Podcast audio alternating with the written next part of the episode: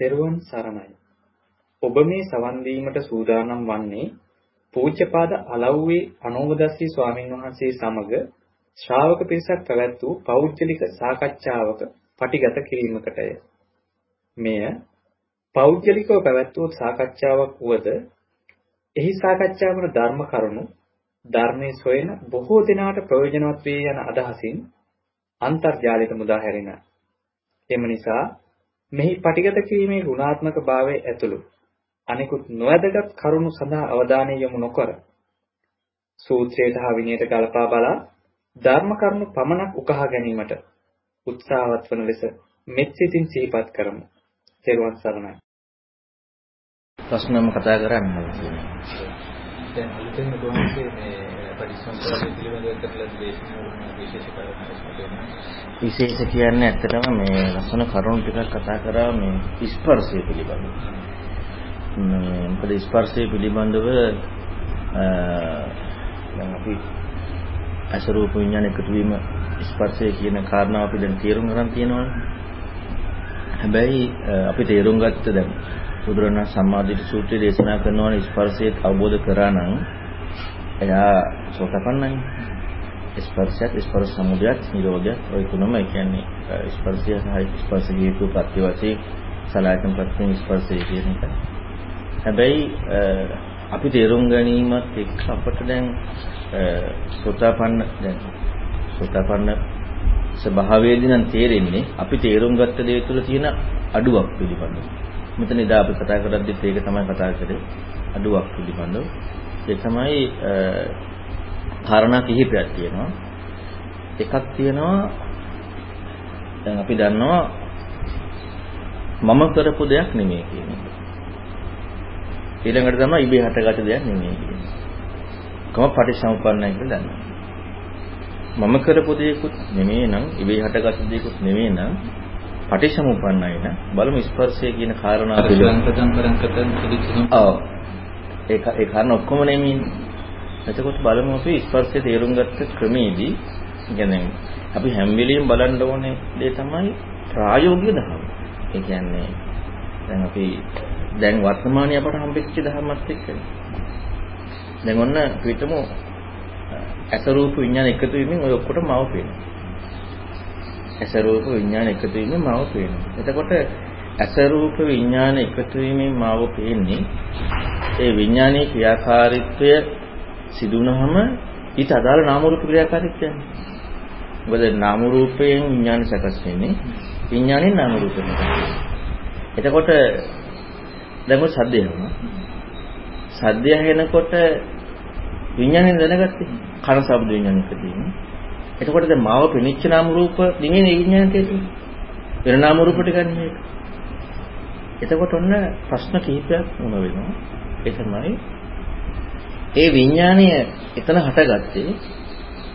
මේ විඥාණයමද එහෙම නැත්නම් ඒක වෙන විඥානයක්ද මොකද නාම රූපෙන් හටගන්නේ. අර නාම රූප වෙනස්නේ එතකොට විඥානය එහෙනම් තියෙන එකක් නෙමෙයි හේතු වෙන්නේ තියෙන්නේ. එහෙනම් අනිවාර්යෙන් වෙන නාම රූපයකින් තමයි විඥාන හටගන්නේ. කන කනේ විඥානයක් එතකොට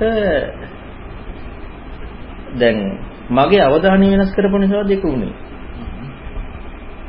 දැන් මේ මං මාව දිහා දකිනකොට අවධානයක් තියෙනවා. අරෙන් අවධානයක්. එතකොට මගේ අවධානය වෙනස් කරපු නිසා නම් මම නේ විඥානය ඇති කරේ. දැන් මගේ අවධානය මං වෙනස් කරපු නිසා නම් මට සද්දය ඇහුනේ. දැන් මේ රූපෙන්නේදී.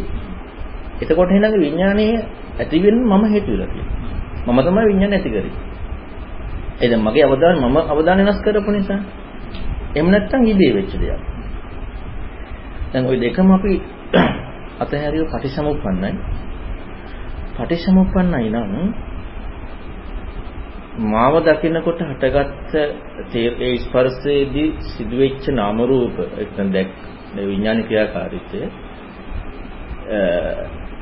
නැති වුණාට පස්සේ ඒ කියන්නේ ඒ විඥානේ නෙමෙයිනේ සද්දේ උනේ වෙන නාම රූප ටිකනේ එහෙනම් මේ විඥාණය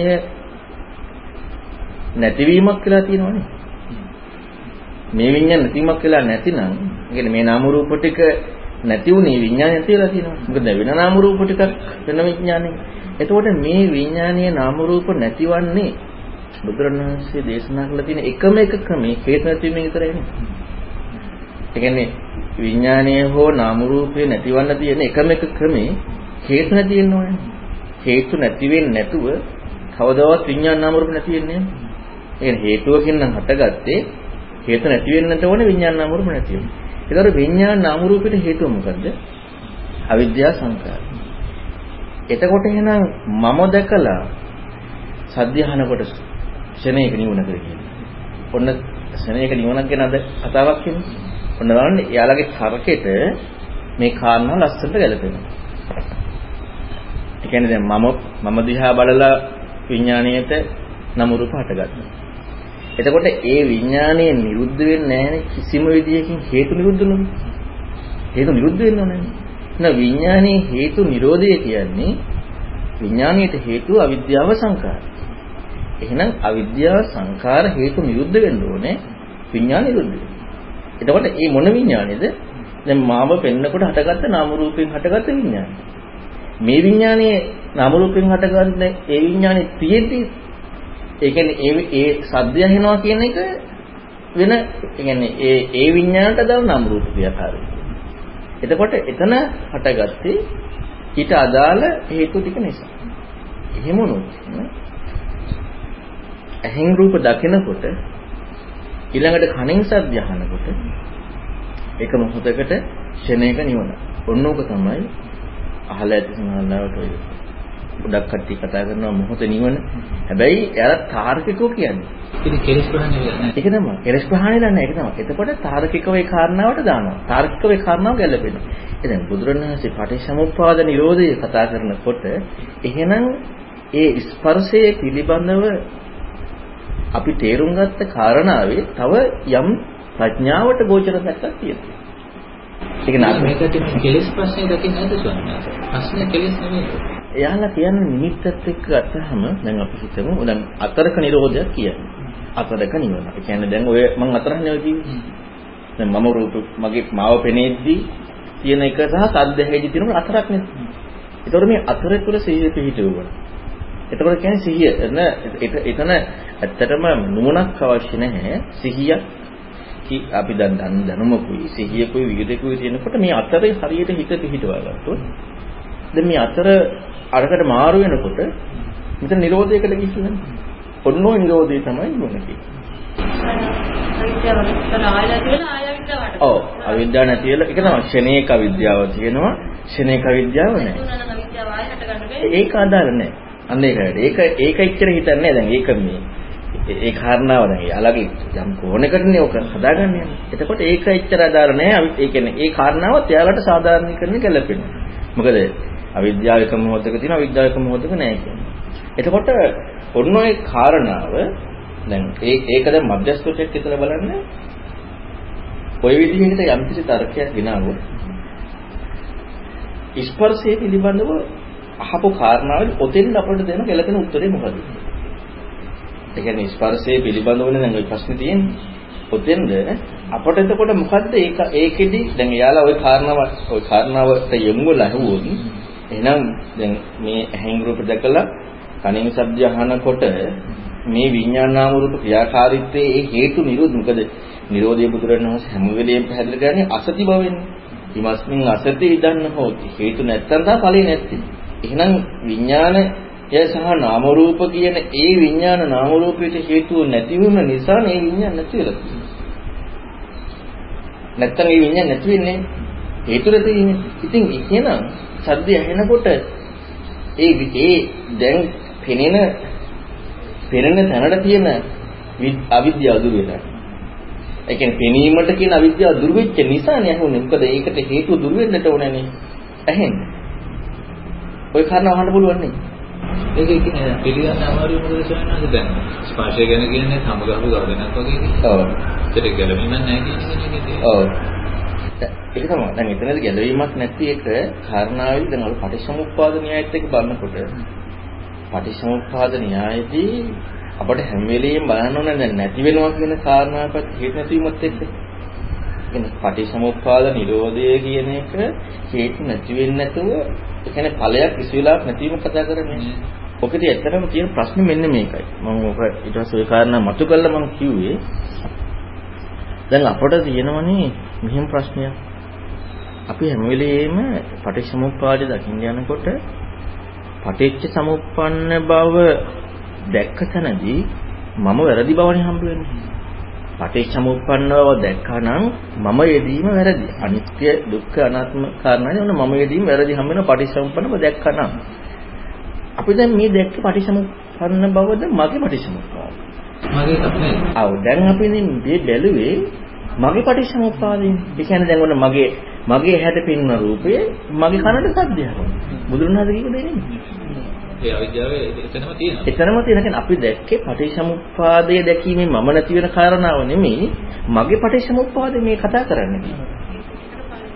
ඒ කියන්නේ දැන් අපට හම්බුනේ දැන් මගේ ඇහැට රූප පෙනෙච්ච රූපේ මගේ කනට ඇහිච්ච ශබ්දේ. එතකොට මේකත් එක්ක දැන් මම ඉන්නේද්දිම මම ලෝකේ තියෙන දෙයට පටිච්චසමුප්පාදය දානවා. එතකොට එතන පටිච්චසමුප්පාද න්‍යාය ගැලපෙන්නේ දැන් ඕක ලෝකෙට අහුවෙන්නේ ලෝකේ හැමෝම කරන්න හදන කාරණාව තමයි අපිට දැන් මේ අපි ඉන්න තැන ඉඳලා අපි පටිච්චසමුප්පාදෙ බෙදනවා. පටිච්චසමුප්පාදය කියන්නේ නුවණක් කියන එක හිතන්නේ. පටිච්චසමුප්පාදය කියන්නේ නුවණ. ඒ නුවණ ඇති තැනදී මම වැරදි කියලා හම්බ වෙනවා. අපි අද අද කරන්නේ මගේ පටිච්චසමුප්පාදේ බෙදලා අපි මමම නුවණ ඇති කරගන්න හදනවා. මා මාතුර සිදුවෙන පටිච්චසමුප්පාදේ බෙදන්නේ. දැන් බුදුරණවහන්සේ කොතනවත් කියලා නෑනේ. ඇසෙන් පස්සේ කන හට ගන්නවා. කනෙන් පස්සේ නාහය හට ගන්නවා. ඊළඟට මේ හයකට හට ගන්නවා. ඔය කතාවක් නෑනේ. දැන් හොඳට හිතලා බලන්න මේ එළියට බුදුරණවහන්සේගේ ධර්මයේ ප්‍රතිඋප්පන්න එකනේ. අපි හිතමු මහා සලයන් සූත්‍රගත චක්කුන් ඥානං පස්සන් එතන බුතන් ඇස දන්නව දකින්න එතන. දැන් අපට දැන් හිතන එකන්නේ ඊට පස්සේ දැන් මම ඉඳලා පටිසම්පන්න උදක ඊළඟට කනක් තියෙනවා ඊළඟට නාසයක් තියෙනවා ඊළඟට දිවක් තියෙනවා කියලා දැන් දැන්නේ මට හිතෙන්නේ. ඇස දකින්න තැනදී අපි හිතන්නේ දැන් ප්‍රායෝගිකව මම ඇස දකින. ප්‍රායෝගිකව මම ඇසෙහි සත්‍ය දකින්නකොට පටය අපි තුන් හරියටම දැක්ක පටිසමුප්පාද. එන්නේ සෝතාපන්න කෙනෙක් දකිනවා ඇසෙහි සත්‍ය. දැකපු තැනදී අපි නිරෝධය කරා යනගෙන. එයාට එතන මම කියලා එදීම හම්බෙන්නේ මම කියලා එදීම ඇසෙහි සත්‍ය දකිනකොට හම්බ වුණා නම් කනේ සත්‍යයක් අවශ්‍යද? දැන් කන කාගේද? මගේ කනනේ. එතකොට නම් කන කතා කරන්න අවශ්‍ය නැහැ.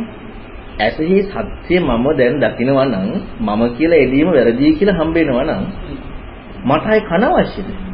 කන කවුද දාන්නේ මමනේ. දැන් අද කරන්නේ මොකද්ද? අපි ඔය ඔක්කොම ටික දාගන්න හදනවා පටිච්චසමුප්පාද දර්ශනේ නෝය. පටිච්චසමුප්පාද දර්ශනයට යන තැනදී දැන් අපි හිතමු මේ මේ මම දකි දකිමින් ඉන්නකොට පටිච්චසමුප්පාද සකස් වීම දැක්කනම් අය සද්ද කතා කරන්න දෙයක් තියෙනවා. එහේ මේ දකින තැනදීම හම්බ වෙන්නේ මම කියලා ගැනීම වැරදි කියලා. ඉතින් මම කියන ගැනීම වැරදි නම් අර මගේ කනක් කියන කතාව ප්‍රතිඋප්පන්න දකින්නට දාන්නේ. එහෙම නැතිව දැක්ම දැක්මකින් තොරව කල්පනාවෙන් අපි යන්න මේ ටික මාරු කරගන්න හදනවා. සම්මාසුව නිරෝධය කියන වචනේ ඕකේ අර්ථ දැක්වීම පිළිබඳව පටලැවිල්ල තියෙනවා වගේ හිතෙනවා. මේ නිරෝධය කියන්නේ සියල්ල නිරෝධයද එහෙම නැත්නම් මේ මොකද්ද මේ නිරෝධය කියන එක? ඒකත් එක්ක නේද ඔය ප්‍රශ්න තියෙන්නේ. නිරෝධය කියන එක මෙහෙමයි. අපි ලෝකයේ ලෝකයේ පැත්තෙන් බලනවා නම් සමුදය කතා කරන්න බෑ. ඒ කියන්නේ ලෝකයේ පැත්තෙන් බලනවනේ. බුදුරන් වහන්සේ පැහැදිලි කරලා තියෙන හැම තැනම නිරෝධය කතා කරන්න කලින් සමුදය. ඔව්. එතකොට අපි සාමාන්‍යයෙන් අපි කතා කරොත් නිරෝධය ලෝකේ පැත්තෙන්. එතකොට සමුදය කතාව අතහැරලා තියෙනවා. සමුදය කතාව කියන්නේ දැන් දැන් මම ওই කියපු කාරණා අපි දැන් ඇහිං රූප දකිනකොට අපේ කල්පනාවක් නේද මේ දැන් ඔන්න ඇස රූප විඥාන එකතු වුණා ඔන්න පෙනුණා කියන එක. සමුදය දැක්ක නෙමෙයිනේ. මගේ මනසට දැන් ප්‍රායෝගිකව අවස්ථාව මගේ මනසේ කල්පනාවන්නේ.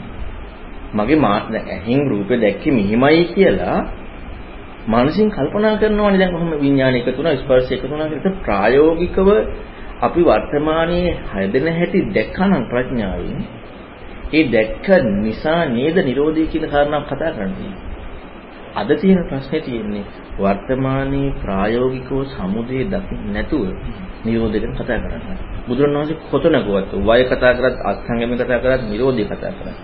මේ ඕන තැනකම සමුදේ තමයි ඉස්සල්ලාම කතා කරන්නේ. නමුත් සමුදය ගැන හොයන්නේ නැතුව වය හරි අෂ්ටාංග මෙහෙර නිරෝධ හරි ගැන කතා කරනවා. ඒක ඇත්තටම මානසික බුදු සංකල්පයන් විතරයි. සමුදය ගැන අපි හරියට හෙව්වනම් සමුදය කියන්නේ ප්‍රත්‍යක්ෂයක්. කල්පනාවක් නෙවෙයි. දැන් අපි ඇහැ ගැන දැන් අපි ඇහැට පේනකොට අපි කල්පනා කරන්න ඕනේ දැන් මේ ස්පර්ශය මෙහිම සිදුවෙලා මේ ආවේ කියන්නේ. දැන් මගේ මන ආයතනෙ වැඩ කරන්නේ. දැන් ඇහැ සිදුවෙලා මම කල්පනා කරනවා ඇහැ රූප විඤ්ඤාණ එකතු වීම හටගත්තා. මන ආයතනයේ ක්‍රියාකාරීත්වය ප්‍රඥාවයි කියන වෙනස අපි තේරුම් ගන්න. අන්න ඒක තේරුම් ගන්න. සිතුවිල්ල සහ ප්‍රඥාව කියන්නේ දෙකක්. අද ගොඩක් වෙලාවට තියෙන්නේ ප්‍රඥාවෙන් දත යුත්තේ මනසේ සිතුවිල්ලකින් තේරුම් ගන්න. දැන් අපි වේදලා සූත්‍ර බැලුවොත් විඥානීය පිරිසිදු දැකීමට කියනවා ප්‍රඥාව. ඒතර ප්‍රඥාව භාවිතය. එතකොට විඥානීය පිරිසිදු දැක්කේ නැත්නම් ප්‍රඥාව භාවිත වෙලා නැහැ. එතකොට එහෙනම් අපට මනෝවිඥානයකින් හම්බ වෙනවා නම් ස්පර්ශයෙන් හටගත්තා කියලා විඥාන පිරිසිදු දැකලා නැහැ. කියන්නේ මනෝවිඥානයකින් අපට හම්බ වෙනවා නම් අසරූප විඥාන එකතු වීමේ දැක්කේ කියලා. එතකොට විඥානයේ පිරිසිදු හම්බ වෙච්ච නැති නිසා ප්‍රඥාව භාවිත වෙලා නැහැ. මනෝවිඤ්ඤාණය තව මනෝවිඤ්ඤාණය මනෝවිඤ්ඤාණය පිරිසින් දැකලා නැහැ මනෝවිඤ්ඤාණය පිරිසින් දැක්කනම් විතරකයකට යන්න ඉඩ නැහැ. ඒතර විතරකයෙන් යන්නේ මනෝවිඤ්ඤාණයට අහුවෙච්ච නිසා. ඒ දැන් ඒක තමයි ශානස අපේ භාවිතය තුළ තියෙන මේ මානසික ක්‍රියාකාරකම විතරනේ අපේ අධ්‍යක්ෂකෙන් තියෙන දැන් ඔය ශ්‍රද්ධා රුචි අනුසවාකාර පරිවිතකරේ තියෙන ඒ කාරණා පහ තුළනේ අපේ භාවිතය තියෙන්නේ. දැන් ඒක අපි තේරුම් ගන්නේ කොහොමද මේ මේ කොටසෙන් එහා ප්‍රඥාවක ක්‍රියාකාරකම මේකයි කියලා අපි තේරුම් ගන්නේ. ඒක ඇත්තටම තියෙන කාරණාව තමයි අපට අවදානින් ධර්මයේ අහපු තැනදී අපේ කෝණයට නොගැලපීමක් හම්බෙන්න ඕනේ. ඒ කියන්නේ අපේ කෝණයට ගැළපීමක් තියෙනවා නම් අපි ගැළපුවේ අපේ කෝණෙත් එක්කනේ හම්බෙන්නේ. හරියටම ධර්මය අහනකොට මම ඔය අර ස්පර්ශ ගැන කතා කරේත් ඒකයි ස්පර්ශය බුදුරණවහන්සේ විග්‍රහ කළේ මගේ හැයි රූප විඥාන එකතු වීමට නෙමෙයි.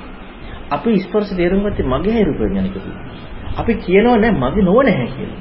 හැබැයි මගේ නොව නැහැ කියන්නේ මගේ මනසට. අපි කොච්චර හිතුවත් අපි තේරුම් ගත ස්පර්ශයේ මගේ හේ රූපය විඥානික තිබු. බුදුරණවහන්සේ දේශනා කරේ ඔබ තියෙන ස්පර්ශය. බුදුරණවහන්සේ දේශනා කරේ ස්පර්ශය කියලා. ඇස රූප විඥානික තිබීම. ඒකට ප්‍රත්‍ය සලායතනෙ. ඒකට ප්‍රත්‍ය නාම රූපේ. අපිට මගේ හැට ස්පර්ශ. එහෙනම් ස්පර්ශ තේරුම් ගන්න බැරි. මොකද ස්පර්ශ තේරුම් ගන්න තියෙන්නේ බුදුරණවහන්සේ කියපු ක්‍රමයට නෙමෙයි. බුදුරණවහන්සේ කියවේ ස්පර්ශයට හේතුව සලායතන, සලායතනට හේතුව නාම රූප, විඥාන අවිද්‍යාව. ওই ටික කියවේ. අපි කල්පනානේ කරන්නේ. ආ නෑ නෑ මේක ඇත්තටම අවිද්‍යාවෙන් කියලා කල්පනාවනේ. අවිද්‍යාවෙන් කියලා කල්පනා කළායි ප්‍රායෝගිකව තේරුම් ගත්තේ මගේ හේරුප විඥාන එකතු වීම ස්පර්ශය කියලා. මගේ කියන වචන නොදැ නොදැම්මට මගේ හේරුප විඥාන එකතු වීම. එහෙනම් බුදුරණවහන්සේ කියපු ස්පර්ශ නෙමෙයි තේරුම් ගන්න. බුදුරණවහන්සේ කිව්ව ස්පර්ශය තේරුම් ගත්තා නම් අන්‍යය කොටපන්. එතකොට එහෙනම් අන්න ඒ ප්‍රශ්නේ අපට හම්බ වෙනවා. එතකොට ඒ ප්‍රශ්නේ මගේ කොහොමද තේරෙන්නේ නැහැ ශ්‍රද්ධාවට රුචියට අනුශ්‍රවයට ආකාර පරිදක්කයට දිටිනිඥානකන්සියට ඔය කාරණාව තේරෙන්නේ. අන්න දැන් අපි හිතමු අපට මේක තේරෙනවා කියලා නම් කිසි මම මේ දවස් ටිකම කිව්වේ ඒ කාරණා අපට යමක් තේරෙනවා නම් අපට තේරෙන විදිහේ යම් විග්‍රහයකින් දෙන්න හදනවා කියන්නේ. ඒක සම්පූර්ණ වැරදි. කිසිම විග්‍රහයකින් දෙන්න බෑ. දෙන්න පුළුවන් එකම එක විග්‍රහය අර බුදුරණවහන්සේ දුන්න වචන ටික. මොකද එතනින් එහා අපි දෙනවා නම් ඒක කොතනින්ද දෙන්නේ? අපේ කල්පනාවෙන් ආකාර පරිවිතක්කේකින්. එතකොට නැත්තම් අපි දෙන්නේ තව කෙනෙක් අහපු දෙයකින්. එතකොට ඒක අවබෝධෙනින් බුදුරණවහන්සේ කියපු කාරණාවනේ එකම එක ක්‍රමේ ওই වචන දෙක හැර කිසිදු වචනයක් දෙන්න බෑ. හැබැයි අපි මේ වචන ටික තුල කියවෙන කාරණාව හරියට ඇහුවොත් අපි දකින්නේ හැම වෙලෙම මගේ පැත්තේ වැරද්ද. දැන් හොඳට හිතන්න මම මේකේ ප්‍රායෝගික සක්කායදර දුරගෙන ගැන කියලා තියෙනවා. මේ මම ඒක තේරුම් ගැනීම සඳහා දැන් උදාහරණ කියනවා විග්‍රහ කිරීම කරනවා. ඒක අර කොටස තේරුම් ගැනීමට උපකාර වෙනවා. උදාහරණ හරි.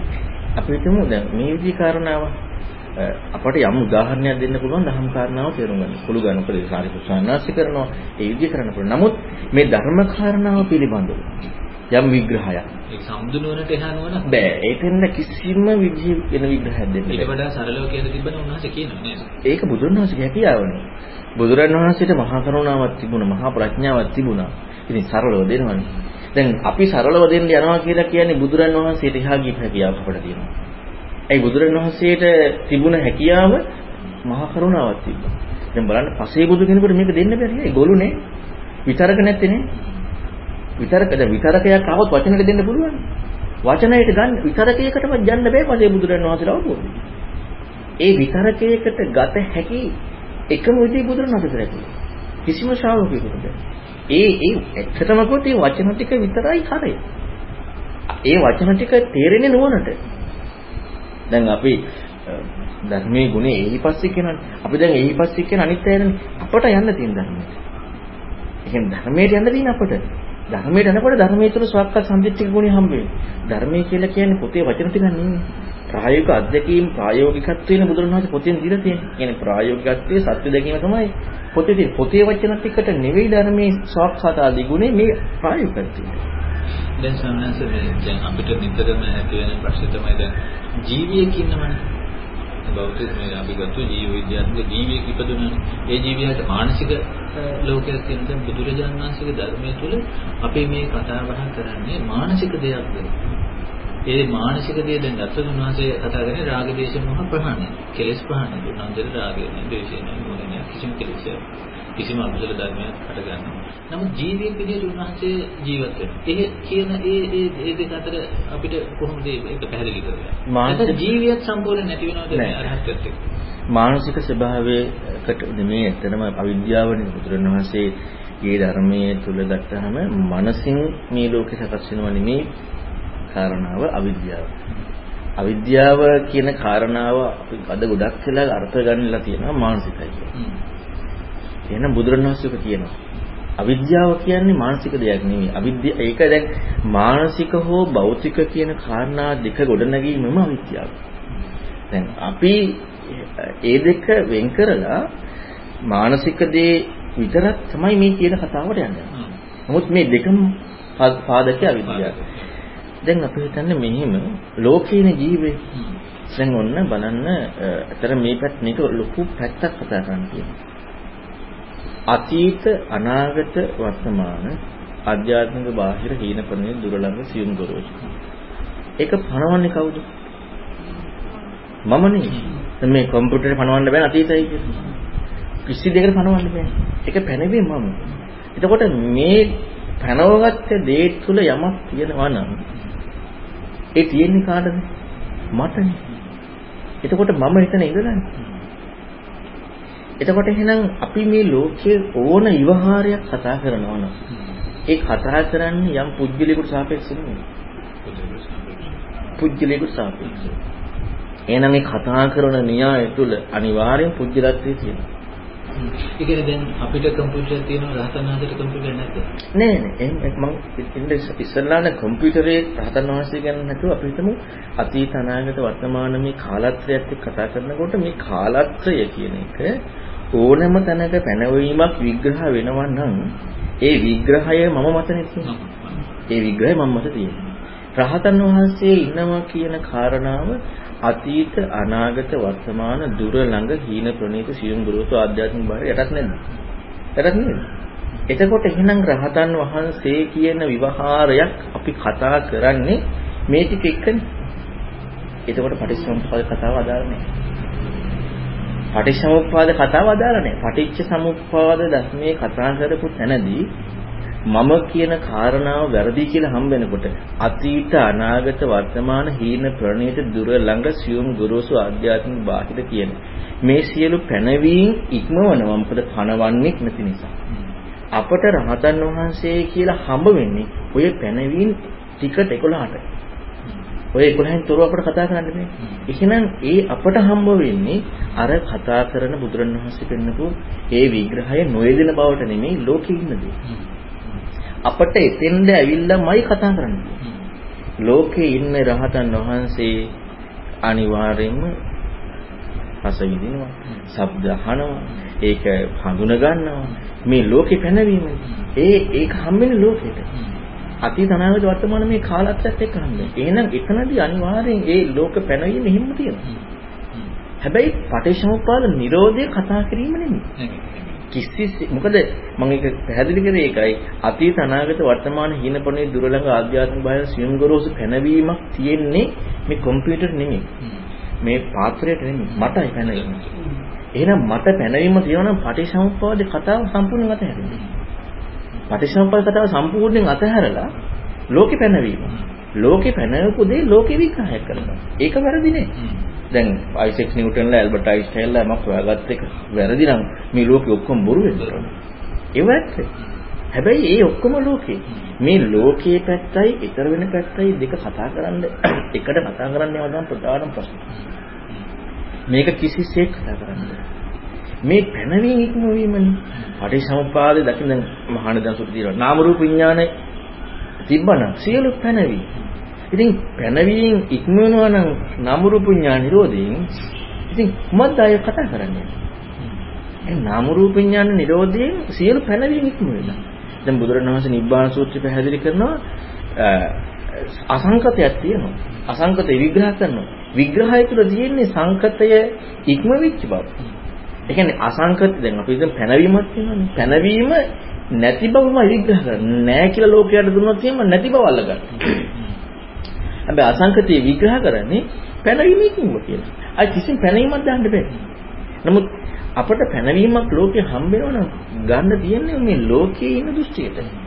ඒකට පටිච්චසමුප්පාදේ පොඩ්ඩක්වත් ජාව ගන්න බෑ. පටිච්චසමුප්පාදය කියලා කියන්නේ ලෝකයාට පේන ඇහැක් නෙමෙයි. ලෝකෙ කිසි කෙනෙකුට හම්බ වෙන න්‍යායක් නෙමෙයි. ඒක හම්බ වෙච්ච තැනදී සම්පූර්ණ මේ ලෝකේ පැවැත්ම ගැන විවහාරය ගැන සියලු ප්‍රඥප්ති කතා කරන්න බෑ. නිවින නිවිච්ච කියන කියන කාරණයද නිවීම කියන්නේ නිවුණ කියන කාරණා. හැබැයි සත්‍ය දකින කෙනාට සෝතාපන්න කෙනාට ওই සේයාව පේනවා. ඒ නිසා තමයි සෝතාපන්න වෙනකොට සත්‍ය දකිනකොට අව්‍යාකත වෙන්නේ ප්‍රශ්න. අව්‍යාකෘත වෙන්නේ උත්තරණය ප්‍රශ්න වලට. විරදයක් නෙමෙයි. ප්‍රශ්න වල උත්තර නැති ප්‍රශ්න බව මෙයාට හම්බෙන්නේ. මම පදනමේ ඉඳන් ප්‍රශ්නේ කොට ප්‍රශ්නේ කොට නැගෙන්නේ. දැන් රහතන් වහන්සේ ඉන්නවද? නැද්ද රහතන් වහන්සේ? පින්න විපාක දෙනවද? පව විපාක දෙනවද? මේ කතන්දර ඔක්කොම තියෙන්නේ. දැන් ඇත්තරම ප්‍රශ්නයක් සමහර අය මේ හරියට මේක තේරුම් ගන්න නැතිකමත් එක්ක ප්‍රශ්න එනවා දැන් බොජ්ජංග පිරිතේදී මේ දුක් වේදනා විඳ බුදුරණවහන්සේ එතකොට එහෙනම් දුක් වේදනා විඳනනම් ස්පර්ශය තියෙනවා. දැන් ඔන්න බල ඈ? ඒතර විඳීමක් තිබිලා ඔව් දුක් වේදනාව තිබ්බනේ දැන් ඔන්න බලන්න ඒ පරියායෙන් අපි දැන් පටිච්චසමුප්පාදයට දාන්න ගියාම වෙන වැරද්ද? දුක් වේදනාව විඳනනම් ස්පර්ශය තියෙනවා. ස්පර්ශය තියෙන්නේ නැහැ හේතු නැත්තම්?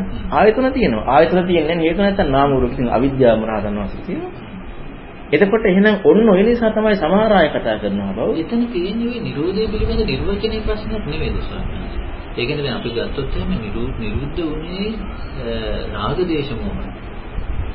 නම් ඒ කියන්නේ අවිද්‍යාව කියන්නේ රාග දේශ මොහනේ. මොහ. එතකොට නිරුද්ධ වුණේ රාග දේශ මොහ. විසක් ඇහැ නෙවෙයි කියන කිව්වොත් ජීව විද්‍යාත්මක ඇහැ නෙමෙයි ඒක ඒක පටිච්චසම්පද ගන්න බෑ දැන් අපට ජීව ඒක මෙහෙම හරි ජීව විද්‍යාත්මක ඇහැ කියන කාරණාව පටිසම්පද දාලා නෑ නෑ නෑ. එතකොට ලෝකෙට නැතුව පටිසම්පදයක්වත් නෑ. ඔව් ලෝකයේ කියන්නේ ලෝකයේ පැත්ත කතා කරනකොට මේ ලෝකයේදී කාරණාවේදී ඒ කාරණාව තුළ පටිසම්පද ගාව ගන්න එක වැරදි. දැන් අර විඥාණයට කියනෝනේ අපි අපපතිත්තං අපවත්තං අනාරමණං අනිදර්ශන විඥාන කියලා. කියන්නේ පිහිට නැති විඥානය ගැන නේද මේ කතා කරන්නේ? පිහිට නැති විඥානයක් ගැන විග්‍රහ කරන්නේ විඥාන විග්‍රහයක්ම. විඥානයේ පිහිටන විඥානය කියලා කියන්නේ නාමරු පතිතිකනේ. එතකොට අපපතිත්‍ත විඥානේ කතා කරන්නේම පිහිටීම ඉක්මවන විග්‍රහය. ඒ කියන්නේ තෘෂ්ණාව නැහැ කියන එකනේ. ඔව්. උපාදාන නැහැ කියන. ඔව්. තෘෂ්ණාව නැහැ. නමුත් අපපතිත්‍ත විඥානයේදී විඥානේ පිහිටන්නේ නැහැ කියනකොට නාම රූපය ඉක්මවීමනේ කතා කරන්නේ. විඥානේ කිසිසේත් කතා කරන්න බෑ නාම රූපකින් තොරව. නාම රූපෙන් හැදෙන්නේ. නාම රූපෙන් හැදෙන්නේ. එතකොට අපපතිත්‍ත විඥාන කතා කරන්නේ නාම රූපේ ඉක්මවීම බව. දැන් නාම රූප ඉක්මවීම බව කතා කරනවා දැන් ලෝකයේ ලෝකයේ හැම වෙලෙම හැමෝම යන්න හදන කෝණයක් තමයි නෑ කියනකොට නැත ඇති බව. නෑ කියන නැත ඇති බව. බුදුරණවහන්සේ නෑ කියන්නේ නෑ කොතනකවත්. ඒකයි බුදුරණවහන්සේ හැමෝම හටගෙන ඉඳලා කියන්නේ. බුදුරණවහන්සේ නිරෝධය ගැන කව නිරෝධය ගැන මෞලපරියය සූත්‍ර ගත්තොත්, ගාම්පොටි සූත්‍ර ගත්තොත් නිරෝධයේ සෝතාපන්න නොවි කාටවත් තේරෙන්නේ නෑ. සෝතාපන්න කෙනාට විතරයි නිවන සහ නිරෝධය තේරෙන්නේ. එතකන් තේරෙන්නේ නැහැ. තේරුණා නම් එයා වැරදි දෘෂ්ටියක්. දැන් අර ස්වාමීන් වහන්සේ මේ දතරමාදු ලූතයන්ගේ ඒ නිරෝධයනේ හොය. ඒ කියන්නේ එයා මේ නිවනනේ අර්ථකථනය නේද මේ හොයාගෙන කියේ. ඔව්. එතකොට දැන් බුදුරජාණන් වහන්සේ ඒක ප්‍රතික්ෂේප කරලා මේකේ තියෙන්නේ නොපිහිටි. විඥානය ගැන කියන මිස නිරුද්ධ මේ මේ සතර මහා ධාතුන් ගැන කියන මිස නිරෝධය ගැන කතා කියන්නේ නිරුද්ධති කියන වචනේ නැති නැතිවීම නිරෝධය ගැන කතා කරන බුදුරණවහන්සේ දැන් එයාගේ පරයයන බුදුරණවහන්සේ කාරණා කියන්නේ මොකද එයා ගත්ත කුදෘෂ්ටියක් කියලා. ඒ දෘෂ්ටියට ඒ ඒ නිරෝධය කතා දැක්කේ එයා. ඒ උපරුජ්ජති කියන වචනේ. ඔව් ඊට පස්සේ උපරුජ්ජති බුදුරණවහන්සේ පැහැදිලි කරනවා ඒ කාරණාවත් එක්ක. දැන් උපරුජ්ජති කියන තේරුම මොකක්ද? පීඩනය කියන්නේ. පීඩනය. කියන්නේ පීඩනය පීඩනය කියන්නේ. නගාඩි කියන්නේ ඒක. එතකොට අපොතිත්තන් කියන්නේ නොපීඩනවා කියන්නේ. ඒතර බුදුරණවහන්සේ පාරියා හැම එකක්ම දුන්නේ ඒ හැම වෙලෙම බලන්න ඕනේ ඒ එතන රාමු. එතන රාමු බලන්න නැතුව අපි එකින් එක ගලපන්න ගියොත් වරදිනවා. බුදුරණවහන්සේ යම් කිසි පරියායක ඒ කෙනාට කිව්වනේ. ඒ කෙනාටනේ කිව්වේ අපට නෙමෙයි කිව්වේ. එතකොට ඒ කෙනාට යම් අවබෝධයක් කරන එක කිව්වේ. අන්නේ රාමු ඒ කියන්නේ විඥානේ නැතිවීම ගැන නෙමෙයි මේ කතා කරන්නේ. තියෙනවා කියන එක නෙමෙයි. ඔව් තියෙනවා කියන දැන් නම් අපි කියමු මරණය කියන එක බුදුරජාණන් අර්ථ දක්වනවානේ. මරණය කියන එක අර්ථ දක්වන්නේ විඥානය එතන පහව ගියා. ඊළඟට ආවුස නැතුව ගියා. උණුසුම නැතුව ගියා කියන කාරණා තුනෙන් තමයි උන්වහන්සේ මරණය අර්ථ දක්වන්නේ. එතකොට දැන් ඔය මේ කරුරුන්දේ ස්වාමීන් වහන්සේගේ පොතේ කිව්වා මේ විඥාන නිරෝධය කියන්නේ විඥානේ නැතිවීම නෙවෙයි කියන එක. එහෙම වුණා නම් මරණයටපත් වෙනවා කියන එක. ඒ ඒක ඇත්තටම ලෝකේ බුදුරණවහන්සේ නමක් ලෝකේ පහළ වෙන්න ඕනේ රූප රූපය වේදනාව සංඥාව. ඔය කාරණා නම් අරූප ලෝකේ බුදුරණවහන්සේ නිමෙන්නේ පැනෙන්නේ. බුදුරණවහන්සේ බුදු වෙනකොට අරූපයක් පැනෙන්නේ නේ. අරූපය කියනකොට වේදනා සංඥා සංකාර විඥාන අසඤ්ඤයක් පැනෙන්නේ නෑ බුදුරණවහන්සේ එතකොට මේ ලෝකයේ තුල මේ අර්ථකථන දැන් අපි ගත්තොත් කවුද අජිත මානවකල එහෙම ඇවිල්ලා අහන ප්‍රශ්න එයාලා මේව ගැන දන්නවා. එතකොට මේ ලෝකේ තියෙන විවහාර. අද අපේ භාෂාවට මේක ප්‍රශ්නයක් තියෙනවා. එතකොට රූප වේදනා සංඥා සංකාර විඥාන මේ විඥානයේ ස්වභාවය ඔබ මේ ලෝකයේ තිබිට විවහාර. එතකොට ඔය ලෝකයේ විවහාරයත් එක්ක බුදුරණවහන්සේ ධර්ම ඉලුන්නේ. එතකොට එනම් මේ ලෝකයේ විවහාරයේදී යම් විග්‍රහයක් බුදුරණවහන්සේ දෙන්න අපට ඇත්තටම කතා කරනකොට අපි දන්නේ නැති වචන නිසා අපට මේ ගැන යම් කිසි කතා කරන්න පුළුවන්. නමුත් බුදුරණවහන්සේ දෙන්නේ ලෝකේ ඉන්න අයත් එක්ක. එතකොට විඥානය ගැන කතා කරන්න ගියාම විඥානය පිළිබඳ විවිධ පරීක්ෂණ කරපු කට්ටිය. විවිධ විදිහට හිතපු කට්ටිය. එතකොට විඥානය නැහැ කියනකොට මොකක්ද එයාගන්නේ? විඥාන නැත්ව ගන්න. ඒ මරණය. ඔව්. මරණය ගන්නව නැත්නම් විඥාන නැති බව කල් ගන්නවා. දැන් ආකින්ච විඥානංචායතනෙ කියන්නේ විඥාන අනන්තයි කියන්නේ. ඉතින් විඥානේ අනන්තයි කියන්නේ ඒ සමාධි බුදුරණවහන්සේ කියපු කන්නේ ලෝකේ සමාධිය. ඒතර විඥානේ අනන්තයි කියලා යාට හම්බ වෙන්නට එහෙනම් එයාට විඥානය කියන ගැන මේ හිතවිල්ල නෙමෙයි. විඥානය ගැන කොච්චර පරීක්ෂණය කළා කියලා. පරීක්ෂක ඒ ටික ඔක්කොම දැන හිටියේ. ඔව්. ඒ පරීක්ෂණය කරලා පරීක්ෂණයේ ප්‍රතිඵලයක් විඥානන්තයි කියන්නේ. එතකොට නම් විඥානය ගැන ලොකු දැනුමක් තියෙනවා. ඊළඟට ආකාශනන්ත කිසිවක් නැහැ. මේ හැම එකටම යන්න යම් කිසි නිර්ණයකට ගිහින් කියන්නේ. එහෙනම් විඥානය ගැන කතා කරනකොට අද අපි සමාජය තුළ යම් කිසි විදිහකින් Nirodhe ඒකයි බුදුරණස් හැම වෙලෙම කියන්නේ සමුදේ පැත්ත. Nirodhe ගැන කතා කරන්න ගියොත් Nirodhe විග්‍රහ කරන්න ගියොත් ඒ විග්‍රහයේදී අනිවාර්යෙන් මේ ලෝකයා නැත කියන දෘෂ්ටියකට වෙන අන්තයකට යනවාමයි. ඒකයි බුදුරණවහන්සේ කිසි වෙලාවක විඥානයේ Nirodhe ගැන කතා කරනකොට සමුදේ ගැන කතා නොකර කතා කරන්නේ. එහෙනම් විඥාන නිරෝධය ගැන කතා කරන්නේ විඥාන සමුදය අවබෝධ ඒක දැනුමකින් නෙමෙයි ප්‍රත්‍යක්ෂයකින් විඥාන සමුදය අවබෝධ වෙච්ච තැනදී තමයි විඥාන නිරෝධය කියන කාරණාව යට හම්බෙන්නේ. එතකන් එයාට විඥාන නිරෝධය ගැන කතා කරනකොට එක්ක ඇතපැත්තෙන් කතා කරන්න එනවා එක්ක නැතපැත්තෙන් කතා කරන්න. බුදුරන් වහන්සේ පෙන්නපු දේ තුල ඇතපැත්තෙන් සහ නැතපැත්තෙන් කියන මේ දෙකම ඉක්මවන ප්‍රතිපදාව ඒක වෙන වචනකින් දෙන්න බැරි විග්‍රහයක්. ඒ කියන්නේ බුදුරන් වහන්සේ දුන්න මේ ධර්මය බුදුරණවහන්සේට විතරක් දුන්න හැකියාව. මොකද අනිත් පසේ බුදුරණවහන්සේ නැත්තේ එකයි වෙන වචනයකින් වෙන විග්‍රහයකින් ඒක දෙන්න බෑ. දෙන්න පුළුවන් නම් පසේ බුදුරණවහන්සේට කොච්චර කරුණාවක් ඇද්ද? ඒ කියන්නේ ගොළු නැහැ. විතරකත් ඒ කියන්නේ ඒ වචන විතරක වලට එනවා නම් ඒ වචන ටික ඇත්තම දෙන්න පුළුවන්. සත්‍ය මත පිහිටපු කෙනෙකුට කවදාවත් බොරුවක් කියන්න බෑ. ඒ කියන්නේ යම් කිසි කෙනෙක් වැරදි දෙයකට යොමු කරන්න බෑ. සත්‍ය මත පිහිටපු කෙනෙක්. එහෙනම් සත්‍ය දැක්ක පසේ බුදුරජාණන් වහන්සේට එයා දැකපු සත්‍ය ධර්මයේ කියන්න බෑ. මොකද අනික් දෘෂ්ටිකට යනවා. ඉතින් බුදුරණවහන්සේ දුන්න එකදු වචනයක් හරි එක ඉස්පිල්ලක් පාපිල්ලක් හරි වෙනස් වෙනවා නම් එතන දෘෂ්ටියක් තියෙනවා. මොකද දෙන්න හැකියාවක් නැහැ වෙන කාටවත්. දැන් ස්වාමීන් වහන්සේ අරගෙන පංච පාදානස්කන්ධය නිරුද්ධයිනේ. ඒතර පංච පාදානස්කන්ධය නිරුද්ධ වෙච්ච මේ වේදනා උපාදානස්කන්ධය නිරුද්ධයි. හැබැයි විඳීමක් තියෙනවා කියලා කියන්න පුළුවන්. ඒක ලෝකෙට එන්නම ඕනේ. පටිසම්පාද කතාවයි ලෝක කතාව දෙකක්. ඒක ලෝකෙට එන්න ඔක හොඳම සූත්‍රය කන්ද සූත්‍රය. කන්ද සූත්‍රය තියෙනවා ස්කන්ධ සහ පංචපාස්කන්ධ වෙන වශයෙන් විග්‍රහ කරනවා. විග්‍රහන්නේ කොහොමද? අතීත අනාගත වර්තමාන ආධ්‍යාත්මික බාහිර හීනපණේ දුර ළඟ සියුම් ගොරෝසු යම් පංචපාස් උපාද පංචස්කන්ධයක් ඇදේ පංචස්කන්ධයයි ඒ ටික තුලම උපාදානස්කන්ධයක් ඇදේ උපාදානස්කන්ධය. එතකොට පංචස්කන්ධය රහතන් වහන්සේට පංචපාස්කන්ධේ පුතඥය. නැත්නම් ලෝකේ පුතඥ නෙමෙයි. රහත් නොවිච්ච අය. හැබැයි කොතනදී උපාදාන සහිත උපාදාන රහිත. ඔව් ඒ කොතනද අතීත අනාගත වර්තමාන ආධ්‍යාත්මික බාහිර හීනපණේ දුර ළඟ ගොරෝසියුම් කියන දේ තුල අතීත අනාගත ආධ්‍යාත්මික බාහිර හීනපණේ දුර ළඟ ගොරෝසියුම් කියන කාරණාව ලෝකේ පුජ්‍යලේ පැනවපු දෙය. පුජ්‍යලේ පැනවපු දේ පටිසමුපාද දර්ශනීය දැක්කම තැනදී පුජ්‍යලගේ පැනේ මේකම. දැන් මේ ඔකල උතුරසාකාර විග්‍රහය මම මගේ මානසික ලෝසි ගොඩනගෙන ගන්නේ. ඔව්. මම මතත් මම මත පොදනගෙන ඒ දෙන්න. කියන්නේ මමනේ කුඤ්ඤේ අර ඔව්. මම කුඤ්ඤේ මතෙන්ද මම උත්තම පුරුෂ ඉතින් ප්‍රථම මැදේ මේ පැත්තට කියන්නේ. ඔක්කොටම. ඒ මගේ මානය තුල ඉඳලා තමයි ඒව ටික මනින්නේ නේද? ඒ නිසා ප්‍රශ්නේ මේ මම කියන එක හැදීමමයි. හැදීම. එතකොට ස්වාමීන් වහන්සේ දැන් අවිද්‍යාව කියන්නේ ඕක නේද? ඔව්. අවිද්‍යාවේ මූලිකම ප්‍රශ්නේ අවිද්‍යාව කියන්නේ මේක. සක්කාය දිට්ඨිය අසමානය ওই ටිකනේ තියෙන්නේ. අසීමාණය. එතකොට දැන් අපි ගත්තොත් දැන් අ, අවිද්‍යාවෙන් පටන් අරගෙන මේක කෙලවර වෙන්නේ දුකින් නේද? එතකොට අවිද්‍යාව නැත්තම් දුක නැහැ. එහෙම නේද අපි මේක තේරුම් ඔව්. දැන් ඒ අතර තුල ඔය ජාලය තුල ගොඩාක් විවිධ තැන්වල විවිධ විදිහට දාලා තියෙනවා. උනන්සේ නාම රූප පත්‍ය විඥාන විඥාන පත්‍ය නාම රූප දාලා තියෙනවා. එහෙම නැත්නම් රූප වේදනා සංඥා සංකාරයෙන් පටන් අරගෙන අභිනන්දදී අභියත්‍ය දෝසයි පිටති කියලා. එහෙම යනවා. ඉතින් නොඑක් විදිහේ විග්‍රහ මේක අතරමැද තියෙනවා. ඒ ඒ තැන්වල විග්‍රහ කරලා නමුත් මූලික හරය ගත්තොත් අවිද්‍යාවෙන් පටන් ගත්ත කෙනාට දුක තියෙනවා. අවිද්‍යාව නැත්නම් දුක නැහැ. ඒක කොහොමද අපිට තේරුම් ගන්නේ? අවිද්‍යාවෙන් පටන් ගත්ත කෙනාට කියන එක නෙමෙයි අවිද්‍යාව ඇති තැන දුක තියෙනවා. මොකද අවිද්‍යාව කියලා කියන්න තැනම තියෙන්නේ මම. මම. එතකොට දුක එතකොට හම්බෙන්නේ මටනේ මම. එහෙනම් අවිද්‍යාව නිරෝධය වුණා නම් අන්න දුක කියන කාරණාව නිරුද්ධ වෙනවා. හැබැයි එතකොට අවිද්‍යාව නිරුද්ධ වුණාට පස්සේ මම කියන කාරණා වැරද්දනේ හම්බෙන්නේ. මම වැරදි. එහෙනම් නිරෝධය දුක්ඛ නිරෝධය හම්බ වෙනවා. මොකද මම මම ආවහමනේ දුක තියෙන්නේ. දැන් මගේ දුක කියන එකද? මමනේ. මම. ඉස්සෙල්ලා මම. මගේ දුක ඊට පස්සේ. නේතම් මම නේසු හමස්ති නමේසු අත්තාරි. මුලින්ම තියෙන්නේ මම. න අත්තා. ඒ කියන්නේ අනාත්මය කියලා කියන්නේ මම නැතිකම. මම කියලා ගැනීම වැරදි. ඒ කියන්නේ මම නැතිකම නෙමෙයි. මම කියලා ගැනීම වැරදි බවයි අනාත්ම කියන්නේ. මගේ දේ නෙ- මගේ නෙමෙයි කියන එක නෙමෙයි. නෙමෙයි.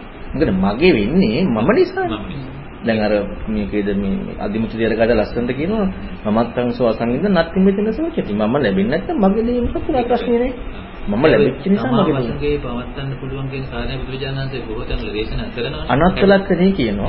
හැබැයි එතකොට ඒකේ තේරුම කියන්නේ අනාත්මය කියන්නේ මම ගැනීම වැරදි කියන නෙවෙයි. නමුත් ඒක ගත්ත කෙනාට තමයි අරක තේරෙන්නේ. ඔව් ඒ කියන්නේ අනාත්ම අනාත්මයේ ලක්ෂණේ තේ- කියලා විග්‍රහ කරන්නේ මම කියලා ගත්තොත් මගේ වශයෙන් මෙසේවා කියලා ගණන් ප්‍රශ්නයක් නැහැ. කියන්නේ මම කියලා ගත්තට පස්සේ. නමුත් ඔක යෙදෙන්නේ නැති නිසායි අනාත්ම කියන්නේ. අනාත්ම කියලා කියන්නේ ඒක යෙදෙන්නේ නැති නිසා. ඒකට න අත්තා කියනකොට න අත්තා නත්ත කියන්නේ. න අත්තා කියන්නේ මම නෙවෙයි කියන්නේ. එතකොට සක්කාය දිට්ඨිය කියලා කියන්නේ මොන මම ඉන්නවා කියලා ගැනීම. මෙන්න මෙන්න මේක මේක ගැන හොඳට හිතන්න. මම මේකේ අලුත් දේශනා ටිකේ හොඳට කිව්වා. සක්කාය දිට්ඨිය කියලා කියන්නේ පංචපාස්කන්ධය ගැන මම කියලා ගැනීමනේ. රූප වේදනා සංඥා සංකාර විඥාන. එතකොට අ, රූප වේදනා සංඥා සංකාර විඥාන මම කියලා ගන්නවා කියනකොට අපි බලන්න ඕනේ හැම වෙලෙම ප්‍රායෝගික ප්‍රතිඋපන්න අවස්ථාව. වෙන එකක් නෙමෙයි. දැන් ඔන්න අපි ඇහැ ගැන කල්පනා කරනවා නම් මනයි ප්‍රායෝගික ප්‍රතිඋපන්න අවස්ථාව. ඒ මනසින් චේතනාවක් කරනවනේ. එතකොට ප්‍රායෝගික ප්‍රතිඋපන්න අවස්ථාවේ පංචපාස්කන්ධය මම කියලා ගැනීම වැරදි කියලා හම් වෙන්නට ඕනේ. ප්‍රායෝගික ප්‍රතිඋපන්න අවස්ථාවේ. එතකොට පංචපාස්කන්ධ ගැන උදාහරණ පහ ගත්තාම පෙනගුලිය, දියබුබුල, මිරිගුව, කෙසෙල්ලාරටුව, මායාව. අපි මේ දෙකක් තේරෙන මම ගන්නවා. ඒ තමයි කෙසෙල්ලාරටුවයි මායාවයි. මේ මේ මේ මිරිගුවයි. මිරිගුවක් බව අපි හරියටම දැක්කොත් මිරිගුවක් අපි කවුරුත් දුවනද වතුර තියනවා කියලා. කවුරුත් දුවන්නේ? කෙසෙල් ගහක් කවුරුවත් කපන්නේ කරටුවක් තියෙනවා. කවුරක් කපන්නේ? එතකොට ඔන්න ওই කාරණා පහ හොඳට හිතුවොත් ප්‍රත්‍යুৎপන්නව සක්කාදිට්ඨි කැඩෙනවා කියන්නේ දැන් අපි යම් කිසි දෙයක් අපි හිතමු ධර්ම කාරණාවක් තේරුම් ගලපලා. එතකොට ඒ ධර්ම මම ඒක පැත්තකින් කියන්නම්. මේ කෝපයෙන් මට වතුර බොන්න පුළුවන්ද බැයිද? වතුර බොන්න පුළුවන්. වතුර විපාක සංසිඳනවද නැද්ද? සංසිඳනවනේ. එතකොට ඒ චේතනාව හරවත් දෙයක්ද නැතිද? හරවත්. එතකොට එහෙනම් බුදුරණවහන්සේ පෙන්නපු චේතනාව අර්ථය හම්බුන්නේ දැන් මේකේ වතුර බිව්වහම මට පිපාසාව සංසිඳනවා. වතුර එතකොට මේ චේතනාව පහල කර වතුර බිව්ව පිපාස සංසිඳුණා. එතකොට මේ චේතනාව කෙසෙල් අරටුවක් කියලා නේ. හරවත් චේතනාව. මොකද හරවත් නොවුනා නම් චේතනාව මට වතුර වියලා පිපාසාව සංසිඳෙන්නේ නැහැ. ඒතර ප්‍රායෝගික ප්‍රතිඋපන්න අවස්ථාවේ පංචපාස්කන්ධ සක්කායදිට්ඨිය. ප්‍රායෝගික ප්‍රතිඋපන්න අවස්ථාව. ඒ කියන්නේ චේතන මම චේතනාව ගැන හිතන්නේ. සංඥාව මිරිගුව. එතකොට දැන් අපිට මේ කෝප්පයක්ද නැද්ද? කෝපයක්. එතකොට මේ කෝප්පෙන් අපි වතුර බින්නේ. එතකොට මේ කෝපය කියන සංඥාව රූප සංඥාව රූප සංඥාව ඇත්ත දෙයක්ද බොරු දෙයක්ද? ඇත්ත දෙයක්. ඉතින් ඇත්ත දිනවම මේ විතර සංඥා මම වෙලාද නැද්ද? සංඥාව හරවත් වෙලා. එතකොට එහෙනම් ප්‍රායෝගික ප්‍රතිඋප්පන්න අවස්ථාවේ පංචපාස්කන්ධයට මම වෙලාද නැද්ද? මම වෙලා තියෙනවා. ඔන්න ඕක වැරදි කියලා හම්බෙන්නේ ඒ සක්කාය කියන්නේ අර සංජානාති අභිජානාති කියන මට්ටම් දෙක ගැනද වහන්සේ කියන්නේ. ඔව් ඒකෙදි හැබැයි සංජානාති අභිජානාති කියනකොට අභිජානාති කියන කාරණාව ඇහැට පෙනෙච්ච දේ මානසික විතරකයේ නෙමෙයි. දැන් මානසික විතරකේ අහපෝ සංඥාවක්. ඔව් දැන් අපි හිතමු මේ කෝප්පේ. දැන් මේකේ අපි හිතනවා මේක මැටි ටිකක්. දැන් මුවාට වතුර නේ. ඔව්. අපිට වතුර නෙවෙයිනේ. ඔව් මුවාට වතුර කියන්නේ දැන් ඒක මුවා කියන එක මේ සමාජයේ ඔව්. බුදුරණවහන්සේ මුවා කියන්නේ මිරිගුව කියන්නේ. මිරිගුව කියන්නේ. දැන් අපිට තේරෙන්නේ අපි දැන් මේක තේරුම් ගන්න හදාගත්තොත්. මුවා මිරුගුව පස්සේ යන්නේ වතුර කියලා හිතලා හිතාගෙන අන්තර බොරුව. බරුව. අපි යන්නේ නැහැනේ. ඔව් අන්න නුවණක් පේනවට අපි යන්නේ. නෑ අන්න නුවණක් කාරක. එතකොට අපි බලන්න ඕනේ දැන් මේක අපට සංඥාවනේ. සංඥාව අපට මේ කෝප්පේ කාටද පුළුවන් කියන්නේ මේ කෝප්පේ නෙමෙයි කියලා. ඒක බොරුවන්නේ. කවුරු හරි මේ කෝප්පේ නෙමෙයි කුත් ඒක දෘෂ්ටියන්නේ. මේ කෝප්පේ. එහෙනම් කෝප්පේ කිව්වත් දෘෂ්ටියක් නෑ කිව්වොත් එහෙම තවත් දෘෂ්ටියක්. නෑ කිව්ව කොහොමද? දෘෂ්ටියක්? ඒ මොකද ඒක බොරුවන්නේ. දුම විදියට හදාගත්තා. ඒක ලෝකයේ තියෙන වැරද්ද. ඒ කියන්නේ ඒක ලෞකික සම්බන්ධිකත් ඉක්ම විදිහ. ඕන නිසා තමයි පිනපව කියන කාරණා කතා කරන්නේ නැත්තේ. ඇයි ඉතින් මේ මෙතනත් ධාතු ටික මෙතනත් ධාතු ටික ධාතු ධාතු ටික ක්‍රියාකාරීත්වයක් තියෙනකොට සත්‍ය පුජ්‍යලයක වෙන්නේ. එතකොට මේ පිනපව ඔය කදාන අර්ජුන ක්‍රිෂ්ණ කතාව ආව ඒකේ. එයාලගේ විතර නෙමෙයි ඔය මේ අතීතේ ඉඳලා ආව ගොඩක් කට්ටියන්ගේ තියෙන ඔය ඔය ඔය කාරණාව තමයි. අද වර්තමානයේ ඔය ගැඹුරුයි කියලා ඉගෙන ගන්න ගොඩක් දේවල් තුල තියෙන්නේ මේ සත්‍ය පුජ්‍යල නැති කතාවත් එක්ක මේ කියන්නේ නැතුණාට වචනකින් පිනපව කියන කාරණා කරන්න ඕනේ නැහැ කියලා ඒ දෘෂ්ටිය තියෙනවා. මොකද ඒකට උච්ඡේදය නේද? උච්චේ දෙක දෙපැත්තටම යනවා. උච්චේ සාස්ත්‍රිත මොකද මේ දෙක එකකට එකකට එක- එකක් එක්කද මේ තියෙන දෙපැත්තටම කරකැවි කෙවි හැම වෙලෙම තියෙනවා. එහෙනම් බලන්න මේ ප්‍රායෝගික සක්කායදිට්ඨිය දුරු වෙන වැඩ පිළිවෙල. මම ඔය ඕකට ගොඩක් කතා කරා ප්‍රායෝගික. ප්‍රායෝගික සක්කායදිට්ඨිය දුරු වෙන වැඩ පිළිවෙලට නම් අපි පංචපාස්කන්ධ ඔක්කොම තැලා චේතනාව ගන්න. මොකද ඒක අපට ප්‍රකටයි. අපි හිත සිතුවිල්ලන් චේතනාව. එතකොට ඒ චේතනාව අර්ථවත් නොවූ බව අපි දැක්කනම් අපි දැන් කෙහෙල්ලරට මම කියලා අරගෙන මේක අරටු හොයන්නේ නැහැ. නැහැ. එහෙනම් චේතනාව අර්ථවත් නැහැ කියන්නේ මොකද්ද? චේතනාවේ හේතු ටික දැක්කනනේ. හේතු ටික දැක්කනම් චේතනාව අර්ථවත් වෙන්නේ. අර්ථවත් වෙන්නේ හේතු නොදකින නිසා. අර්ථවත් නොවන බව දැක්කනම් අරටුවක් නොවන බව දැක්කනම් චේතනාවම කියලා ගනින්. ඒ ක්‍රියාව ඒ විදිහටම සිද්ධ වෙනවා. ක්‍රියාව සිදු වෙනවා. නමුත් ක්‍රියාව සිදු වුණාට දැන් මේ සක්කාදින දුරු වීමටනේ. සකරික ක්‍රියාව සිදු වුණාට මම කියලා ගැනීම ගන්නෙ නැහැ. ගන්න. පටිසම්පදුරු වෙන්නේ නැහැ. පටිසම්පාද සකස් වෙන හැබැයි මේ චේතනාව මොකද්ද? මේ චේතනාව මේ හේතුවෙන් සකස් වෙනවා කියලා දකිනකොට කෙසෙල් අරටුවක් වගේ. කෙසෙල් අරටුවක් වගේ නම් චේතනාව ඒ චේතන මම කියලා ගන්නේ නෑ. ඒ මොකද්ද? ප්‍රායෝගික ප්‍රතිපන්න අවස්ථාව. හිතන එක නෙමෙයි. ප්‍රායෝගික ප්‍රතිපන්න අවස්ථාව. එහෙමනම් අපි හොඳට හිතලා බැලුවොත් එහෙම අපට ප්‍රායෝගික ප්‍රතිපන්න අවස්ථාවේ චේතනාව වැරදි කියලා හම්බෙන්නේ නැහැ. එහෙනම් අපට මුළු මහත් ධර්මයේ කරා යන තැනදී හම්බෙන්න තියෙන අපි වැරදි කියලා. අන්න ප්‍රායෝගිකව මට පහරක් විදිලා. ඒ කියන්නේ අපිට ධර්මයට යන්න යන්න අපි තේරුම් ගත සියල්ලම වැරදි. ඒ ප්‍රායෝගිකව මටනේ පහර. පහ- පහර මට වදින්නේ හැම වෙලේම. පහර මට වදිනවනම් මගේ චේතනාවන්ගේ පහර වැදුනේ. ධර්මයේ තැනට දුන්නා. එතෙන්ද ගියාට පස්සේ මම හිතන කතා කරන මගේ හිතට සිතුවිලි එන හැම චේතනාවක්ම වැරදි. හරි එකක්වත් නැහැ. දැන් අපිට තියෙනවනේ යමක් හරිනේ. දැන් මේ මේක කතා කරනවනේ ධර්මයේ දැන් මේ ඊටද සාකච්ඡාවේදී කිව්වා දැන් උසන්න ඔය විදිහට කියනකොට ධර්මයට එනකොට එන්න බෑනේ. මම කොහොමද කතා කරේ මම ධර්මයට ආවායත. ධර්මයට එන ආපු කට්ටියන්ට මිසක් ධර්මයට එන කට්ටියන්ට නෙවෙයි. ඒතර ආපු අයට යම් කිසි වැඩ පිළිලා පුරු කරන කෙනෙකුට. දැන් අපි කියන්නේ කණ්ණාඩියකින් වන්න අපි බලනවා. බලනකොට එතන මම නෑ කියන කාරණේ එයාට ඒක තේරිලාමනේ තියෙන්නේ. ඒ වගේ මට්ටමකට එන්න ඕන කියන කාරණේ. ප්‍රතිඋප්පන්න වෙන්න ඕන. මොන ප්‍රතිඋප්පන්න කියන වචන තමයි ගොඩක් අයට අමාරු. අපි සිතුවිල්ලෙන් ඉන්නේ. සිතුවිල්ල. සිතුවිල්ල ප්‍රතිඋප්පන්නලා නෑ. සිතුවිල්ලයි සත්‍ය දකින්නට ඕනේ. එහෙමනම් සක්කාය කියන්නේ මේ ප්‍රඥාව කියන කාරණේනේ මේ අන්න කියන්නේ. ප්‍රඥාව ඒ කියන්නේ මේ ප්‍රඥාව හම්බ වෙන්නේ විචක්ෂණ හැකියාව තියෙන කෙනා. යෝනිසෝ මනසිකාර නැතු කවදා ප්‍රඥාව ඉන්නේ. ඒකයි අරුණ උදා වීම වගේ කියනවා. යෝනිසෝ මනසිකාර කියන දෙකයි. අය අරුණ උදා වුණා කියන අනිවාර්ය ප්‍රඥාව කියන්නේ. මෙන්න මේකෙන්නේ නැහැ. මේක ඉස්සල්ලාම එන දේ තමයි. සද්ධාවසාරි කියන බුදුරණවහන්සේ කොහොමද අර්ථ කරනවන්නේ? චක්කුන් අනිත් මේ අස අනිත්‍යක සද්ධාවෙන් අදාහගත්තා. සද්ධාවෙන් අදාහ ගන්නෙම මම වැරදි නිසා. දැන් අපි හිතන්නේ මට තේරිච්ච නිසා අදාහගත්තා කියලානේ. ඉතින් මට තේරුණ නිසා නම් ඇයි බුදුරණවහන්සේගෙන් බණ අහන්නේ? බුදුරණවහන්සේ කිව්වත් නැතත් මට ඒක දන්නවා. අර කිව්වට පස්සේ මම පොඩ්ඩක් මට ලකුණක් එනවා එච්චරයි. බුදුරණවහන්සේ කිව්වා මට ලකුණක් එනවා විතරයි. මම මට තේරෙන නිසා නෙමෙයි. මම පැත්ත වැරදි නිසා තමයි බුදුරණවහන්සේ කියපු දේ හරි. හැබැයි මට තේරෙන්නේ නැහැ. හැබැයි බුදුරණවහන්සේ කියපු එක හරි. මම හරි හම්බුනේ මේ පැත්ත වැරදි නිසා. නිකන් හිතලා නෙමෙයි. මේ පැත්ත ප්‍රත්‍යুৎপন্ন වශයෙන්ම වැරදි කියලා හම්බ වීමෙන් තමයි අර පැත්ත හරි වුනේ. අන්න සද්ධායෙන් බැසගත්තා. හැබැයි ප්‍රත්‍යুৎপন্ন වශයෙන් මේ පැත්ත වැරදි වෙනවා. කල්පනාවකින් නෙමෙයි. කල්පනාවෙන් අපි නෝ මේ ඉස්පස්සේ මේක මේක මේක අපි දැන් හරිනේ. ඒ චේතනාව හරිනේ අපි. ඒක අර්ථවත් වෙලා. ඒ කියන්නේ අර මුවා අරක වතුර කියලා දුවන්නේ නැති තැනට එන්න. අන්න එතෙන්ද එන්න ඕන. කෙසෙල් අරටුව දැක්ක කෙසෙල් කන දැක්කම අරටුව නෙමෙයි කියලා හම්බ වෙනවනේ ප්‍රත්‍යুৎপন্ন. ඒක ප්‍රත්‍යুৎপন্ন හම්බ වෙනවා කියන එක අසාමාන්‍යයි. එහෙනම් බලන්න ශ්‍රද්ධාවට ඒ ඒ ශ්‍රද්ධාවට එන්නේ.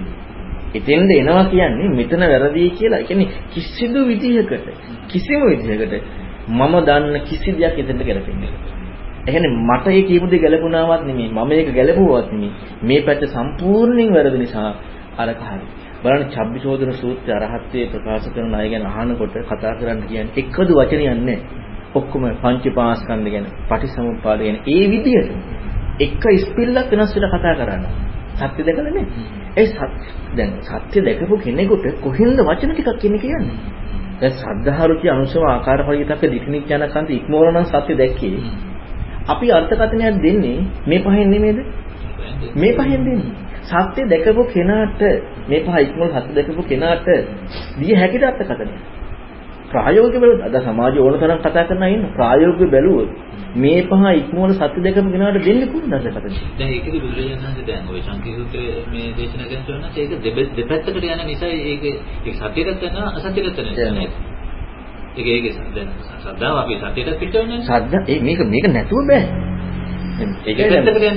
ඔව් මේක නැතුව බෑ කරන්න. දැන් ඒකයි ප්‍රශ්නේ මුලින් ඉඳලා අපට ශ්‍රද්ධාව නැතුව රුචිය නැතුව අනුස්සව නැතුව ආකාර පරිවිතන නැතුව ඉතිනික්කියා කන්න නැතුව අපිට මේ මාර්ගය යන්න බෑ.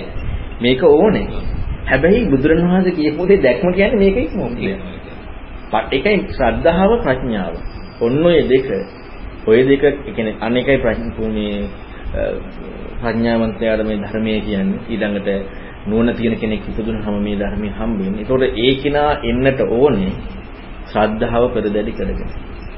ශ්‍රද්ධාවෙන් අරක හරි කියලා පිළිගත්තා. බුදුරණවහන්සේට තිබුණා ඒ කෙනාගේ හැකියාව දැකලා මේ බයින කෙනාට කතා කරන්න. දැන් අපට ඉතින් යම් කිසි විදියකට අපි බුදුරණවහන්සේගේ කාරණා ගලපලා ගලපලා තමයි කතා කරන්නේ.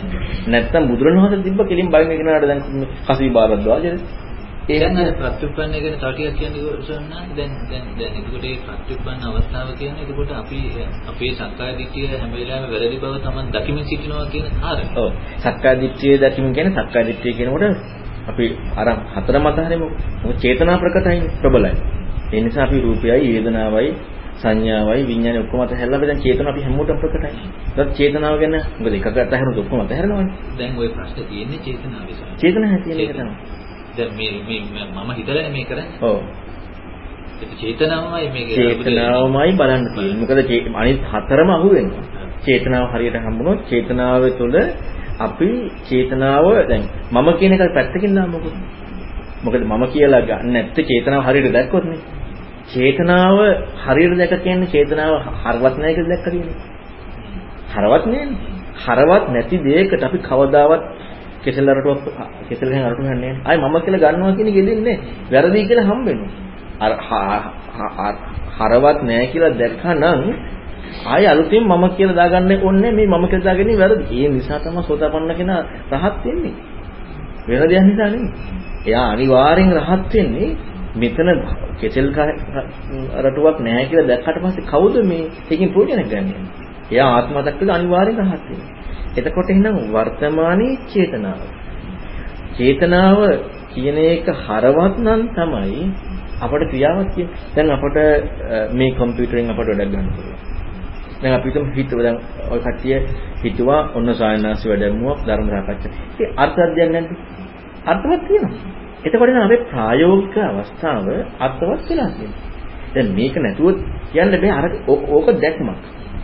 දැක්මක් කියන කාරණාවට අපිට කොතනකටවත් යන්න බෑ. මට යන්න බෑ. ඒක දැක්මෙදි මම වැරදි කියලා හම්බෙන්නේ. අද උත්සාහ කරන දේ තමයි දැක්ම කරා මම යන්න හදනවා. කවදාවත් දැක්ම කරා මම යන්න බෑ.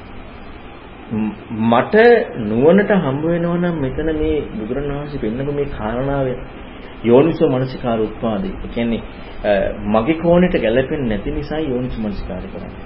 යෝනිසෝ මනසිකාර කියන්නේ නිකන් විතරක් කරන එක නෙමෙයි. දැන් මම ওই විතරක යෝනිසෝ මනසිකාර ගැන වෙනම විග්‍රහය කරලා තියෙනවා. විතරකරණය කියන එකයි යෝනිසෝ මනසිකාරය කියන එක දෙක. අනේක පොඩ්ඩ විස්තර කරන්න. විතරකේ කියන්නේ හැම වෙලෙම තමන්ගේ කෝණට සද්ධා රුචි අනුසව ආකාර පරිත්තක ඍෂිනිච්ඡානක් කන්ති එක මම දැන් දන්නවනේ යම් කිසි දෙයක්. මගේ මට තේරෙනවනේ යම් කිසි කෝණකින්. අර අහන හැම එකක්ම මේකට ගලපනවා. ඒකෙන් තේරුම් ගන්න උත්සාහ කරනවා. ඔව් ඒකෙන් තේරුම් ගන්න උත්සාහ කරනවා. ඒ කියන්නේ මම දන්න ශ්‍රද්ධාවයි. ඒ කියන්නේ මූලික මේක ඕනේ නැත්තේ නැහැ. මම දන්න ශ්‍රද්ධාවෙන් ඔන්න ඒකට ගලපනවා. රුචියෙන්, අනුශ්‍රවයෙන්, ආකාර පරිවිතක්ෙන් දිටිනිච්ඡාන කන්දි යමක් ඇහෙනකොට ඇහෙනදී මේ මේ රාමුවත් එක්ක ගලප ගන්න බලන්න. කරන විදිහ. ඒකට මේ රාමුවට ගලප ගන්න යනකොට ඔන්න අපට ගැලපෙන්න පුළුවන් නොගැලපෙන්න පුළුවන් මේ තර්කය. ගැලපෙන්න පුළුවන් නොගැලපෙන්න පුළුවන්. ගැලපුණොත් අපි හොඳයි කියලා පිළිගන්නවා. නොගැලපුණොත් අපි තව දුරටත් යනවා. එතකොට මේක කොහෙන්ද කියන්නේ මේ වෙනකොට අපි තේරුම් ගත්ත සත්‍යය කියලා පදනමක ඉන්නවනේ. ඔව්. ඒක ඒක ඒකත් එක්ක තමයි මනින්නේ. ඒකත් එක්ක මනිනවා. එතකොට ඒකත් එක්ක අපි ඒ කියන්නේ ශ්‍රද්ධාවනේ. බුදුරණවහන්සේ ශ්‍රද්ධා ධර්මයේ ශ්‍රද්ධාවනේ. එතකොට අපි ඒ කාරණාවෙන් මනිනවා. හැබැයි හරියට එනකොට ඔන්නක වෙනස් වෙනවා. මම ඒක කියන්න. අපි ඉස්සෙල්ලා අපි අපි ශ්‍රද්ධාව කියලා අපි අහපු දේ අපි අහපු කෝණයන්නේ තියෙනවනේ. ඒ කියන්නේ අපට අපි ශ්‍රද්ධාවම පිළිගත්තේ බුදුරණවහන්සේ කියපු දෙයම නෙමෙයි. අපි අපිට තේරිච්ච පොඩි. අන්න ඒක අපි ගන්නවා.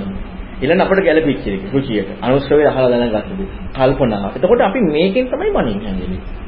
ඔන්න ඔක තරකයක්. විචක්ෂණය කියන්නේ යෝනිසමනසිකාර කියන්නේ හරියටම අහන තැනදී, ඔන්න ධර්මය අහන තැනදී මේකට ගැළපෙන්නේ නැති වුණා. ඒක බලන්නේ. ගැළපෙනවද නැද්ද කියන එක බලන්නේ නැහැ. ගැළපෙනවද බලන්නේ නැහැ. අන්න එයාගේ ස්වභාවය. මම ඔකට උදාහරණයක් දෙනවා මේ වගේ. Uh, ඇල්බර්ට් අයින්ස්ටයින්ලා අයිසෙක් නිව්ටන්ලා ෆයිටරස්ලා අලුත් දෙයක් ගන්න කියන්නේ. දැන් මම මේක ගොඩක් අයට මේ මොකද මම හරි පරිස්සම් වෙන උදාහරණයක් දෙනකොට මේ විද්‍යාව මොනවට හරි මේ ගැළපෙනවනේ කියන කාරණාවට යන්නේ. මේ ෆයිටරස්ලා ඇල්බර්ට් අයින්ස්ටයින්ලා අයිසෙක් නිව්ටන්ලා වගේ අය uh, දන්න රාමුවක් තියෙනවනේ. එයාලට සේයාවක් කරනවා මෙතනින් එහා මොනවද කියනවාද එයාලට එනවා. එයාලා දන්න රාමුව ඔව් එයාලා එයාලට රාමුවක් නැහැ. ඒ කියන්නේ එයාලා දන්න රාමුවට ගැලපෙන්නේ නැහැ. දැන් අපි ගත්තොත් තෝමස් අල්වා එඩිසන් බල්බ් එක කීසරයක් හෙව්වා එතකොට එයාලට වරදින පැති වැඩි. වරදින වරදින්නේ Taman දන්න එකනේ. ඒක Taman දන්න රාමුවට එහා ගියපු දෙයක් නමුත් දන්නේ නැහැ. එදන් මොකද කරන්නේ එයාට ඕනෙකම තියෙනවා එහා කියපු කාරණාව තේරුම් ගන්න. දැන් ඒ කරා යන්න හොයන්නේ නැද්ද? හැබැයි යන්න හොයනකොට තමන්ගේ ධනරාමු නෙවෙයි ගලපන්නේ. අලුත් දෙයක් හොයන්නේ. දැන් අදට දැන් අපි බලමු මේ ධර්මයේ නැතුව අදටත් ඇල්බර්ට් අයින්ස්ටයින් අයිසෙක් නිව්ටන්ලා කොච්චර පිළිගැනීමක් තියෙනවද? එතකොට ඇයි අලුත් දෙයක් හොයාගන්න? අලුත් තැනකට ගියා. අලුත් උනේ මේක නෙවෙයි. රාමෙන් ඉරිට ගියා. අලුත් දෙයක් හොයාගත්තා. අන්න බුදුරණවහන්සේගේ ධර්මයේ තියෙන අන්නේ මොකද දැන් විද්‍යාවට ගැලපුවා නෙමෙයි. මොකද ඒ ඒ චින්තනය තියෙනවා. එයාලා අනිවාර්යෙන් ධර්මය අහුවනම් එයාලට මේ ශ්‍රද්ධාව පාදක කරගෙන එයාලා මේ කරා යනවා. අලුත් දෙයකට කියන්නේ අපි අපි දන්න තේ තියෙනවනේ. එතනින් එහා දෙයක. බුදුරණවහන්සේගේ ධර්මයෙන් ඇහෙනවා එවැනි දෙයක්. දැන් ආල්බර්ට් අයින්ස්ටයින්ලට අහුවුණා තමන් දන්න රාමුවට එහා අලුත් දෙයක් තියෙනවා කියලා. එයාලා හොයාගෙන ගියා. බුදුරණවහන්සේගේ ධර්මයේ එහෙම දෙයක් තියෙනවා. හැබැයි අපට හම්බෙන්නේ නැති නිසා හරියට හරියට වුණොත් ඒක වෙනවා. හරියට හෙන්න ඕනේ නුවණ තියෙන්නට ඕනේ. ওই දෙකම උනාට පස්සේ අන්න යාට හම්බ වෙනවා අපි දන්න රාමුවට එහා ගියපු දියුගේ බුදුන් වහන්සේ කියලා තියෙනවා. ඒක නා මෙතෙන්ද ගලපන්න බලන්නේ ඒක තේරුම් ගන්නයි බලන්නේ. අන්න ඒක තේරුම් ගන්න ඒ කරා යන්න දැන් ඇල්බර්ට් අයින්ස්ටයින් අර කරා ගිය නිසා යා අලුත් න්‍යාය පාදන්න. අන්න බුදුරණවහන්සේ කියපු දේ කරා යන්න වෙනකොට මේ ඔක්කොම ගලපන්නේ නැතුව. එතකොට එහෙම යනකොට මේ ඔක්කොම වැරදි නේද? දැන් මේක හරිනම් අලුත් දේ කරා යන්න ඕනේ. මේක හරින යන්න අවශ්‍යතාවයක්ම නේ. මේක වැරදි නෙවෙයි. ඒක වෙන එකක්. ඒක වෙන එකක්. රාමුව ඇතුලේ හිතනවා කියන්නේ රාමුවර ගලප කරන්නේ. විතරකයක් කරන්නේ. ඒක තරකයක් විතරකයක් විතර. අතන තියෙන්නේ මේක ඔක්කොම වැරදි කියලාමයි හම්බෙන්නේ අතන යනකොට. අන්න යෝනිසෝ මනසිකාරයේ උත්පාදේ වෙනවා යාට මෙතෙන්ද වඩා එහා ගියපු දෙයක් අතන තියෙනවා. එහෙනම් ඒක හොයන්නට ඕනේ. ඒක හොයන්න නම් ඒකටමයි යන්න තියෙනවා. වෙන දෙයකට නෙමෙයි. ඒ ධර්මයටම යන්න. යනකොට යනකොට ඒක හරිනම් මේක වැරදි. ප්‍රායෝගිකව එතකොට වැරදිලා තියෙන්නේ මොකද? Taman දැනපු දැනගත්ත ශ්‍රද්ධාව ජනසෝ ආකාර පරිත්‍යාග දිටිනිච්ඡාන කන්ති ප්‍රායෝගිකව වැරදි. ඉතින් ප්‍රායෝගික වැරදි නම් සක්කාදිට කැඩෙනවා. දැන් සරලව ගත්තොත් අර කසිබාරජ්‍ය ගෝවියාගේ ගෝවිතන බුදුරජාන්සේ වෙන ගෝවිතනක් කියලා. අර ගෝවිතන අතරිය මේකයි ගෝවිතන උනේ. ඒ වගේ මේ සාමාන්‍ය ලෝකෙන්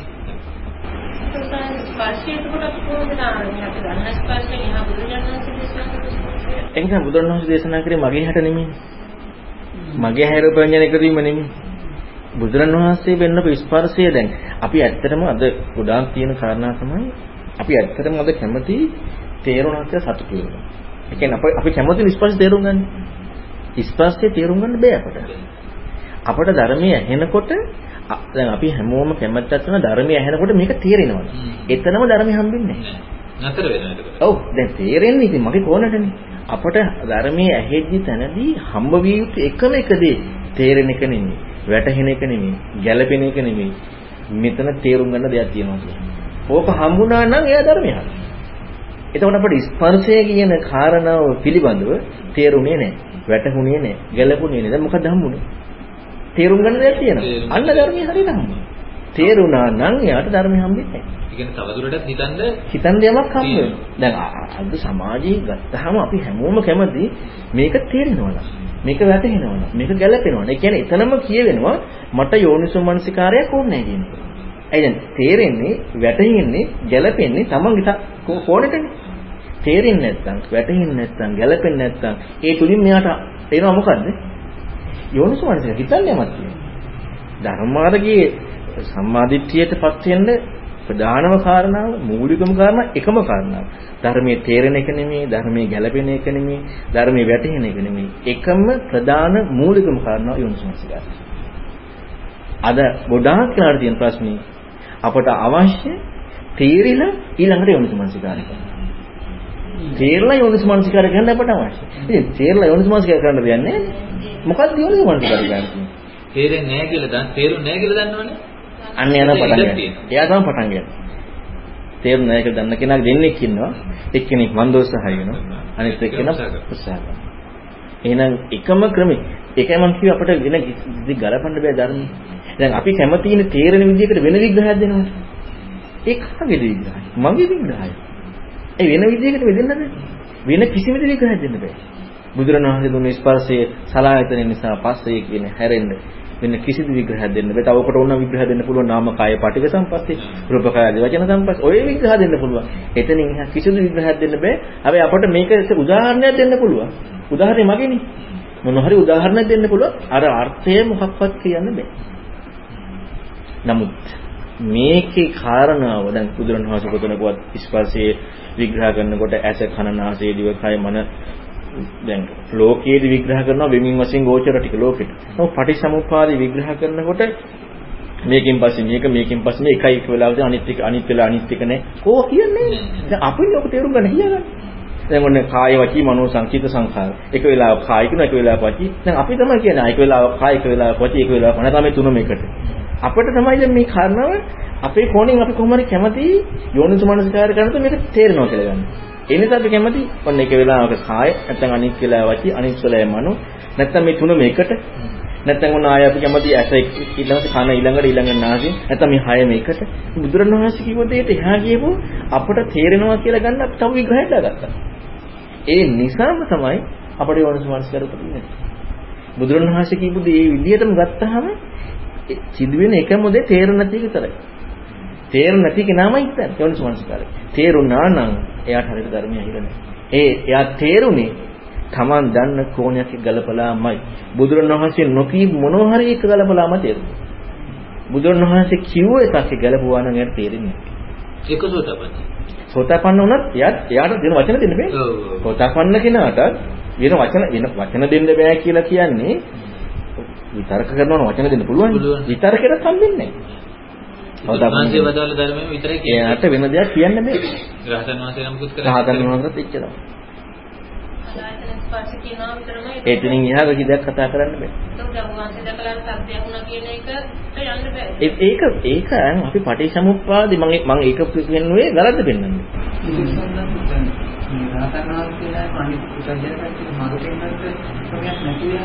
ඉතින් බු- ඒ කියන්නේ රහතන් වහන්සේ බුදුරන් වහන්සේගේ ශ්‍රාවකයෙක් මිසක් ස්වයංභූ ඥාණින් අවබෝධ කරගත්ත කෙනෙක් නෙමෙයි. ඒ ශ්‍රාවකයෙක් කීව යුත්තේ ශාස්ත්‍රෝ භාසිතයේද තමන්ගේ අදහසක්. ශ්‍රාවක කියන්නේ ශාස්ත්‍රෝ භාසිතය කියන එක. එතකොට නම් රහතන් වහන්සේ නමක් හරි. ඕන ඒ කියන්නේ මේකට මගපල්ලාභින් අවශ්‍ය නැහැ ධර්මයේ කියන්නේ. ධර්මයේ කීම සඳහා ඇත්ත ධර්මයේ කියන්නේ මගපල්ලාභින් අවශ්‍ය නැහැ. ඒ කියන්නේ ධර්මයේ සංගායනා කරලා ඉතුරු කරගත්තා. ඔව්. ඒ කියන්නේ ද- ද- අද අපි හිතනවා අවබෝධ කරගත්ත කෙනාට ඒ කියමන ඒ ඒ- ඒ හිතීම තුලම තියෙනවා. අවබෝධ කරගත්ත කෙනාට අලුත් දෙයක් කියන්න පුළුවන් කියන දේ තුලම තියෙන බුදුරන් වහන්සේගේ ධර්මයේ සුවක්හත නැහැ. ඒ බුදුරන් වහන්සේගේ ධර්මයේ සුවක්හතයි නම් මනාවකට දේශනා කළා නම් මුලැමැදාග පිරිසුදු නම් අර්ථ සහිත ව්‍යංජන සහිත නම් ආය රහතන් වහන්සේ නමගේ වරන් මොකද? වෙන විග්‍රහයක් කියන්නේ පහසු විග්‍රහයක්. ඉතින් ආයේ පහසු විග්‍රහයක් අවශ්‍ය මේක මුලැමැදාග පිරිසුදු නැති නිසා මේක ගැළපෙන්නේ නැති නිසා මේක තේරෙන්නේ නැති නිසා මේකේ මොන හෝ අඩුවක් තියෙන නිසානේ තව කෙනෙක්ගේ විග්‍රහයක් ඕනේ. මෙතන මෙතන මුලැමැදාග පිරිසුදු නම් මෙතන නිවැරදි නම් තව කෙනෙක්ගේ විග්‍රහයක් අවශ්‍ය නැහැ තව කෙනෙකුට දෙන්න පුළුවන් එකම දේ මේක පෙන්වන එක වෙන බාරතනාසි කරේ එච්චර. ඔක්කොමලා කරේ ඒක. මේක පෙන්වනකොට දැන් අපිට හිතෙන්නේ අපි තේරුම් ගන්න දැන් අපි හැම වෙලේම කැමතිනේ යම් කිසි කෙනෙකුට කියනකොට තේරෙනවා නම් හොඳයි කියලා. ම- කල්යාණ මිත්‍ර කරන්න පුළුවන් දැන් අපි දන්- ධර්මයේ මූලිකම දේ සක්කායදිට කැදීම. එහෙනම් ධර්මයේ කරුණ පෙන්නලා කල්යාණ මිත්‍රට කරන්න පුළුවන් අපි වැරදි කියලා පෙන්වන්න. එතකොට මොකක්ද එතනින් සිදුවෙන සක්කාදිට්ඨියට උපකාර වෙන්නේ? ප්‍රහාණය කරන උපකාර වෙන්නේ. දැන් අපි කැමති තියෙන්නේ ධර්මයේ අහනකොට ඒක තේරෙනවා කියලා ගලප ගන්න. නමුත් ධර්මයේ පාදක කරගෙන කල්යාණ මිත්‍රයට කියලා දෙන්න පුළුවන් ඔබ හිතාගත්ත දේ වැරදි කියලා. එතකොට එහෙනම් Tamanටම ප්‍රායෝගිකව සක්කාදිට්ඨියට පහර කරන්න උදව් කරනවා. ධර්මයේ පාදක කරගෙන අපි හිතාගත්ත දේ වැරදි කියලා පෙන්නනවා. ඒ දැන් අපි අපි සමාජයේ අපි හැමෝම කැමති තියෙන්නේ අපි දන්න දේ හරි කියලා පෙන්නන්නේ. ධර්මයේ කියලා අපි හිතන්නේ හරි කියලා හම්බෙන්නේ. නමුත් බුදුරණවහන්සේගේ ධර්මයෙන් හම්බෙන්නේ අපි වැරදි කියලා. එහෙනම් අපිට ධර්මයේ හරියට හම්බ වුණා නම් අපි හැම වෙලේම වැරදි හම්බෙනවා. එහෙනම් ධර්ම කාරණාව තුලින් අපි ගත්ත සියලු දේ වැරදි කියලා යනකොට පෙන්වන්න පුළුවන්. අන්න ඒක තමයි හැබැයි ධර්ම. අපි ගත්ත දේ හරි කියන එක නේ දැන් ඔබ ඔන්න සෝතාපන්නයි. ඔන්න දැන් ඔබට මේ මේ මේ විදිහට චින්තනය තියෙනවා නම් ඒක සද්ධානුසාරී. එහෙම ඒ ඒක නෙමෙයි. වැරද්දම. වැරද්දම හම්බෙනවා නම් වැරද්දම පෙන්නනවා නම් අන්න ඒක තමයි ධර්මයේ තුලින් එන්නේ. හරි දේ පෙන්වන එක නෙමෙයි. හරි දේ එක දෙයයි. ධර්මයේ. ඒ හරි දේ පාදක කරගෙන වැරද්ද පෙන්වන්නේ තමන්ගේ. හරි දෙය කියන්නේ තමන්ගේ සදාසික තමන්ගේ අවබෝධය නේ. ඔව් හරි දේ ඒක තමයි ධර්මයේ කියන්නේ ඒකනේ. හරි දේ දැන් ඒක මුල් කරගෙන අපි වැරද්ද පෙන්වන්නේ. හැබැයි තේරෙන්නේ නැහැ. තේරෙන්නේ. ගැළපෙන්නේ නැහැ. නමුත් ඒක හරි නිසානේ අපි වැරදි කියලා ගත්තේ. තමන් අන්න ඒකයි ඉස්සලම් සද්ධාවට එනවා කියන්නේ. සද්ධානුසාරී කියලා කියන්නේ අරක හරි නිසානේ තමන් වැරදි කියලා ගත්තේ.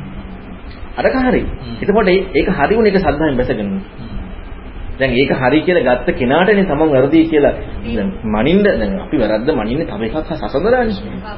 ඔව් එතකොට සසඳුවේ මොකකටද? ධර්මයට. එහෙනම් මං වැරදි නම් හරි උනේ මොකද්ද? ධර්මයේ. අන්න සද්ධාවට එනවා. එතකොට සද්ධාවට ඇවිදින්න දැන් යා මොකද කරන්නේ?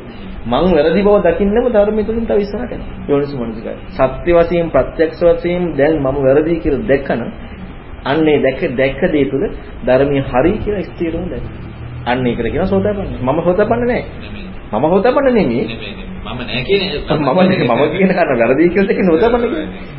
ඒ ඒ හරි දැකීමට සෝතාපන්න කියලා ලේබල් එකක්. ඒ කියන්නේ ලෝකයේදී ලේබල් ලෝකයේ ලේබල් එකකුත් නෙවෙයි අර බුදුරණවහන්සේ දුන්න නිර්වචනය. එහෙම නැතුව මේ මම සෝතාපන්න එකක් නෙවෙයි. ඒතර බලන්න අද සමාජයේ තියෙන ප්‍රශ්නේ අපි හැමෝම හදන්නේ මං සෝතාපන්නේ නැහැ. සෝතාපන්න වෙන්න ඉලක්කය තියෙන කෙනාට. හැබැයි ඒ ඉලක්කයනේ මුලින්. ධර්මයට ආව කෙනාට ඉලක්කය තියෙනවා නම්, රහත් වෙන ඉලක්කය තියෙනවා නම්, ඒ කෙනාට ම- මග දකින්න බෑ. මොකද හේතුව එයාගේ වෙන ඉලක්කයක් තියෙනවා. තමන් ඉදිරියට ගලපනවා නම් එයාට දකින්න බෑ. ධර්මයේ ඒම සඳහා. ඒකට මුලින් දේශනා ටිකක් තියෙනවා. සාමුක්කාංශික දේශනා කරනකොට අනුපිළිවෙල කතාව කරනකොට ඒකට අදාළ ටිකක් තියෙනවා. ඒ අදාළ ටික අපි කරන්න ඕනේ. හොතපන් වෙන්නට ඕනේ, රහත් වෙන්නට ඕනේ, මම නිපිලිසන් නැති කරගන්නට ඕනේ. මේක පරියාය දෙක. බුදුරණවහන්සේ හැමෝටම හැමදේම කිව්වේ නෑ. දැන් මට කුණ්ඩලියට ඊට අදාළ දෙයක් තියෙනවා. එතකොට ඊට අදාළ කරුණ තියෙනවා. අපි දැන් මේක මේ පච්චත්ත විත පුඤ්ඤු කියන එක අපි අතහරිනවා. ප්‍රඥාවන්තයන් කියන කතා කරලා මේ ඔක්කොටම මේ එකම එකම විදිහට මේකට යන්න බෑ. ඉතින් එහෙනම් ඔක්කොම කට්ටිය රහත් වෙන්න ඕනේ. ඔක්කොම හොදපන්නට ඕනේ. මේක යන කට්ටියක් ඉන්නවා. ඒ ඉදිරියට ගිහිල්ලා එතනින් පස්සේ මේ අවශ්‍යතාවයට තමයි දැක්කේ. ඒකයි බුදුන් වහන්සේගේ ධර්මයේ ගැඹුරු එකට කියනවා නීයත්ත නීතත්ත කියලා. ගැඹුරු සහ සරලව සමහර අය සරල ගැඹුරු කරනවා. ගැඹුරු සරල කරනවා. එතකොට සමහර අය ගැඹුරු දේවල් ගැඹුරු නෑ කියනවා. දැන් ගැඹුරු කියන අර්ථය මොකද්ද? ගැඹුරුයි කියලා කියන්නේ අපි ලින් කටට ගියාට පස්සේ යට ගැඹුරුනේ. ලින් පතුලට ගියාට පස්සේ අපිට ගැඹුරක් තියෙනවද? නෑ. අද අපි ගැඹුරු කියලා කතා කරන ඔක්කොම දන්නවද? ගැඹුරක් කොහෙද? ගැඹුරු කියන්නේ තේරෙන්නේ නැතිකම. තේරෙනවනම් ගැඹුරු නෑ. දැන් මහානිදාන සූත්‍රය ගන්න ආනන්ද ස්වාමීන් වහන්සේ නිදානි වුණා. ගැඹුරු නෑ සරලයි කිව්වා. ඇයි තේරෙනවද? තේරෙන නේද සරලයි. බුදුරණවහන්සේ මිනිසුත් එක්කනේ සංසන්දනය කරලා පෙන්වුවේ මේක සරල නෑ ගැඹුරු ඒකනේ සසර යන්නේ කියලා. නැත්නම් උනාද සෝතපන්නේ? සෝතපන් ඒකයි සරල. ඇයි සරල කියන්නේ දැක්කනේ. මේක එච්චර ලොකු දෙයක් නේ පොන්චි දෙයක්. ඇයි Taman දැක්කා. දැන් අද අපි ගැඹුරු ගැඹුරු කතා කරන ඔක්කොම දන්නවා අපි. එහෙනම් වචන විතරයි ගැඹුරු. ගැඹුරුයි කියලා කියන්නේ අපට නොතේරෙන්න ඕන. චිත්ත චෛතසික රූප නිබ්බාන මේ ඔක්කොම ටික ලස්සනට විග්‍රහ කරලා දෙන ගැඹුරු ධර්ම. වචනේ ගැඹුරුයි අර්ථය සරලයි. අර්ථය බුදුරන් වහන්සේගේ දේශන වචනේ සරලයි අර්ථය ගැඹුරුයි. නමුත් අද විග්‍රහයේදී අර්ථය සරලයි වචනේ ගැඹුරුයි. බුදුරන් වහන්සේගේ ධර්මයේ තියෙන සරල දෙයක් පුංචි දෙයක්. ඒ ධම්ම හිත පවුව. ලොකු දෙයක් නෑ. සරලයි වචනේ. අර්ථය ගැඹුරුයි. ඒ කරා යන්නේ ඉතින් ලොකු නෝනක් වුණා. අර ප්‍රතිපන්න කතාව ඒක හරි වැදගත් කියලා මට හිතෙන ස්වාමීන් වහන්සේ. ඒ කියන්නේ අපි අපේ චේතනාවෙන් මේ කරන මොහොතේදී අපේ වැරද්ද ඒ වෙලාවෙම හම්බෙනවා. හම්බෙනවා කියන කාරණා. ඒක මම හිතන්නේ ප්‍රායෝගිකව මේ වැදගත් නෑ දැන් ඇත්තටම අපිට නම් දැන් මම පුජලි ගත්තත් අපි එක තැනක නතර වුණා කැවිල්ල.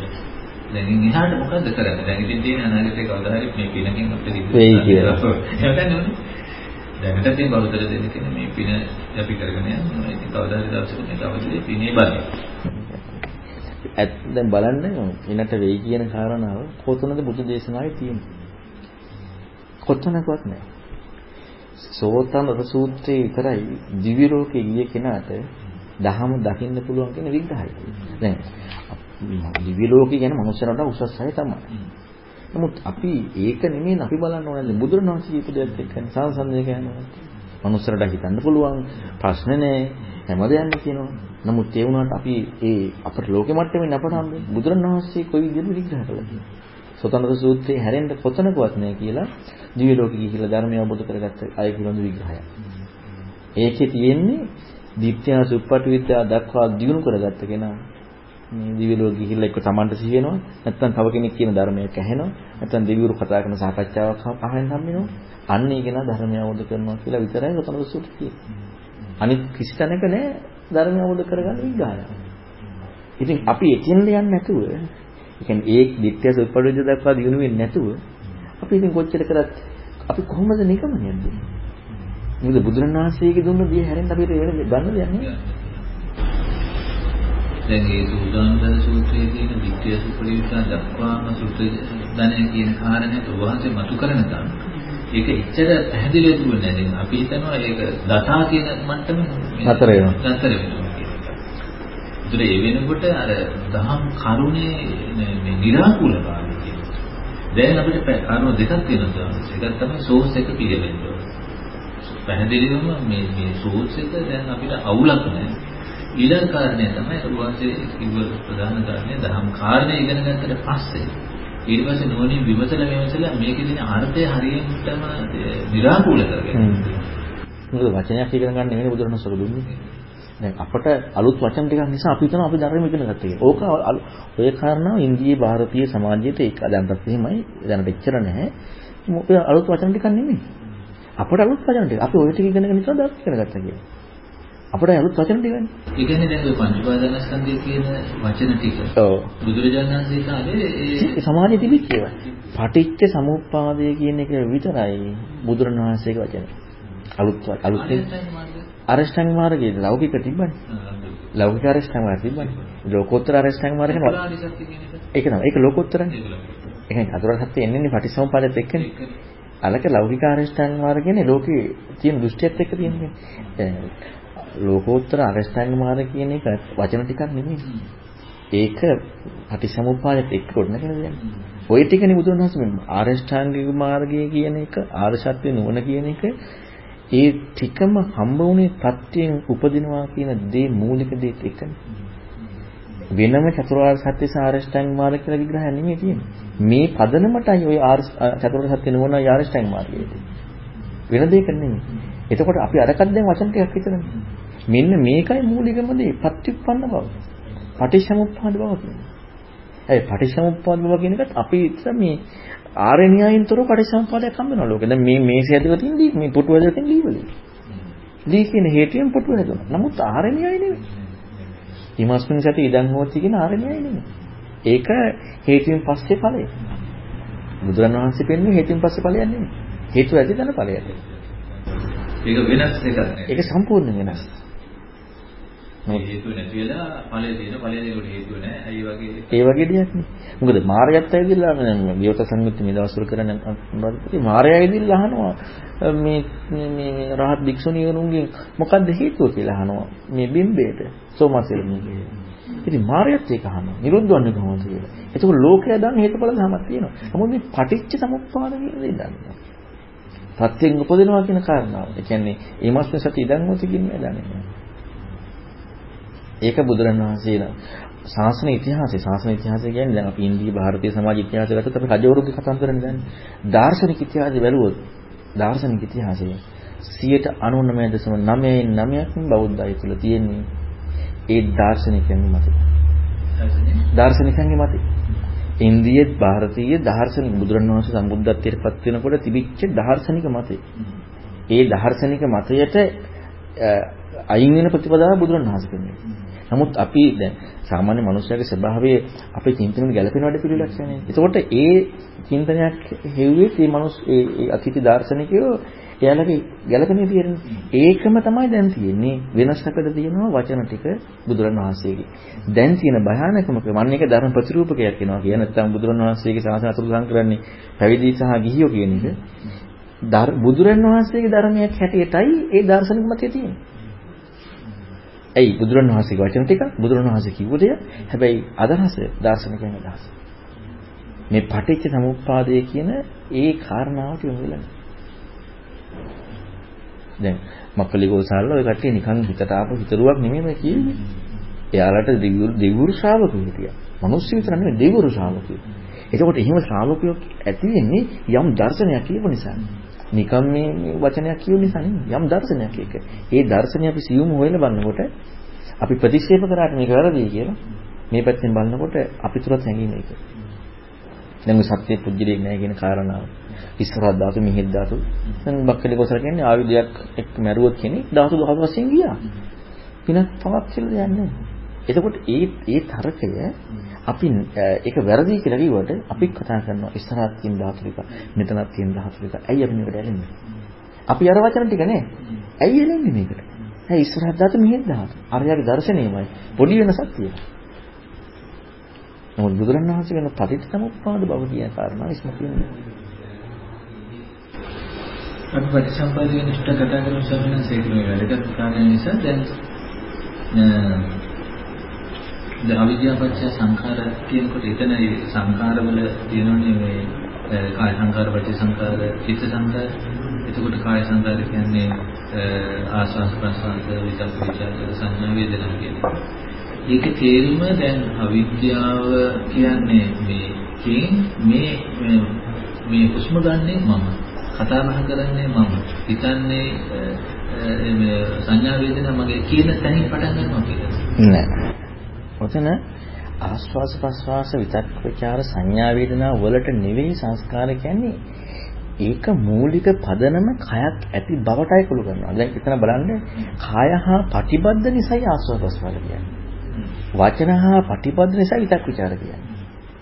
නැතුව කාය සංස්කාර ආස්වාස ප්‍රස්වාසයේට විතක් ਵਿਚාරයට සංඥා වේදනාවට සංස්කාරය කියනවා නෙමෙයි අර කාරණාව කුළු ගැනීමේ තියෙන මූලාරම්භය තමයි කාය සංස්කාරي ආස්වාද ප්‍රසවාස.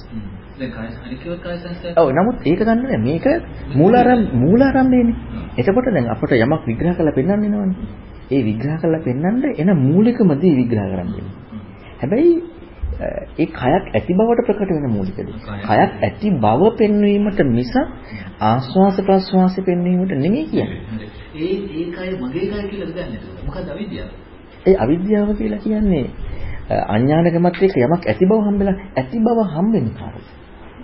ඇති බව මට කියන්නේ. ඇති බව දැන් මේ රෙකෝඩරේට පොතකට හම්බෙන්නේ දැන් අපි ඇති බව හම්බ වෙන්නේ ඇති බව හම්බ වීම යෙදෙන්නෙම පුජ්‍යලීකුට හැර දැන් දැන් මේ ළඟදී මම ඒවා දේශනාවකදී අපට වේදනාව හටගනවා මම කරගන්න එපා. දැන් මොන ගැහුවා. දැන් මේක මම නොකරගත්ත මට දුකක් නැහැ. දැන් මම මේකට ගහනවා. පුටුව දන්නවද වේදනාවක් කියලා? පුටුවට මේ මම කරගන්න තු ඉන්න සහ පුටුව වේදනාවක් කියලා දන්නේ නැහැ. ඒක වේදනාවක් කියලා දැන් මට ගහද්දී මම නොකරගන්න කලින් වේදනාවක් කියලා හම්බ වෙනවා. මටනේ හම්බුනේ. අපි අකමැති මේක මට හම්බුණා කියලා හිතන්නේ. ඒ මිම්ම දැන් මානිදුරුවේ නරහත්යනේ. මේ මිම්ම හටගත්තේ මට. මම කියන මිම්ම නිසාම තමයි මේ යමක් මොකක් යක් මැනීමක් තියෙන්නේ. ඔව්. මොනවා හරි මැනීම. ඒතර කයක් ඇති බව මැනීමම මේ පැත්ත මම ඉන්න නිසා.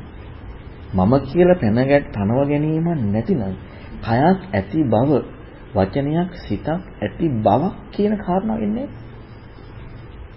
ඒ බවක් එන්නෙම කෙනෙකුට පුජ්‍යලයකට. මේසෙට එන්නේ නැහැ. රෙකෝඩර් දෙකට එන්නේ නැහැ. රෙඩ් දෙකට එන්නේ නැහැ. ඒක එන්නේ පුජ්‍යලයකට. පුජ්‍යලයකින් තොර වෙන්නේ ඇති කියලා හිතුවොත් දැන් පුජ්‍ය. ඇති කියලා ගැනීමම පුජ්‍යලයයි. ඒකම විද්‍යාව. ඇතිනම් ඒකේ වැඩ පිළිවෙල තියෙනවා දැන්. දැන් තියෙනවනේ. තියෙන දේවල් වැඩ පිළිවෙල තියෙනවා. දැන් කටුකුරුන්ගේ ස්වාමීන් කියන්නේ එතකොට මේ දැන් අර ස්ටේජ් එකේ පිටිපස්සේ කොටස. අන්න. පිටිපස්සේ ඒ කියන්නේ වෙස් ගැනීම. වෙස් ගැනීම. එතකොට මේ වෙස් ගැනීම තමයි එතකොට මේ වෙස් ගැනීම කියන්නේ ඇති බව ගැනීම කියන්නේ. දැන් අපි හිතමු උදාහරණ මෙහෙම.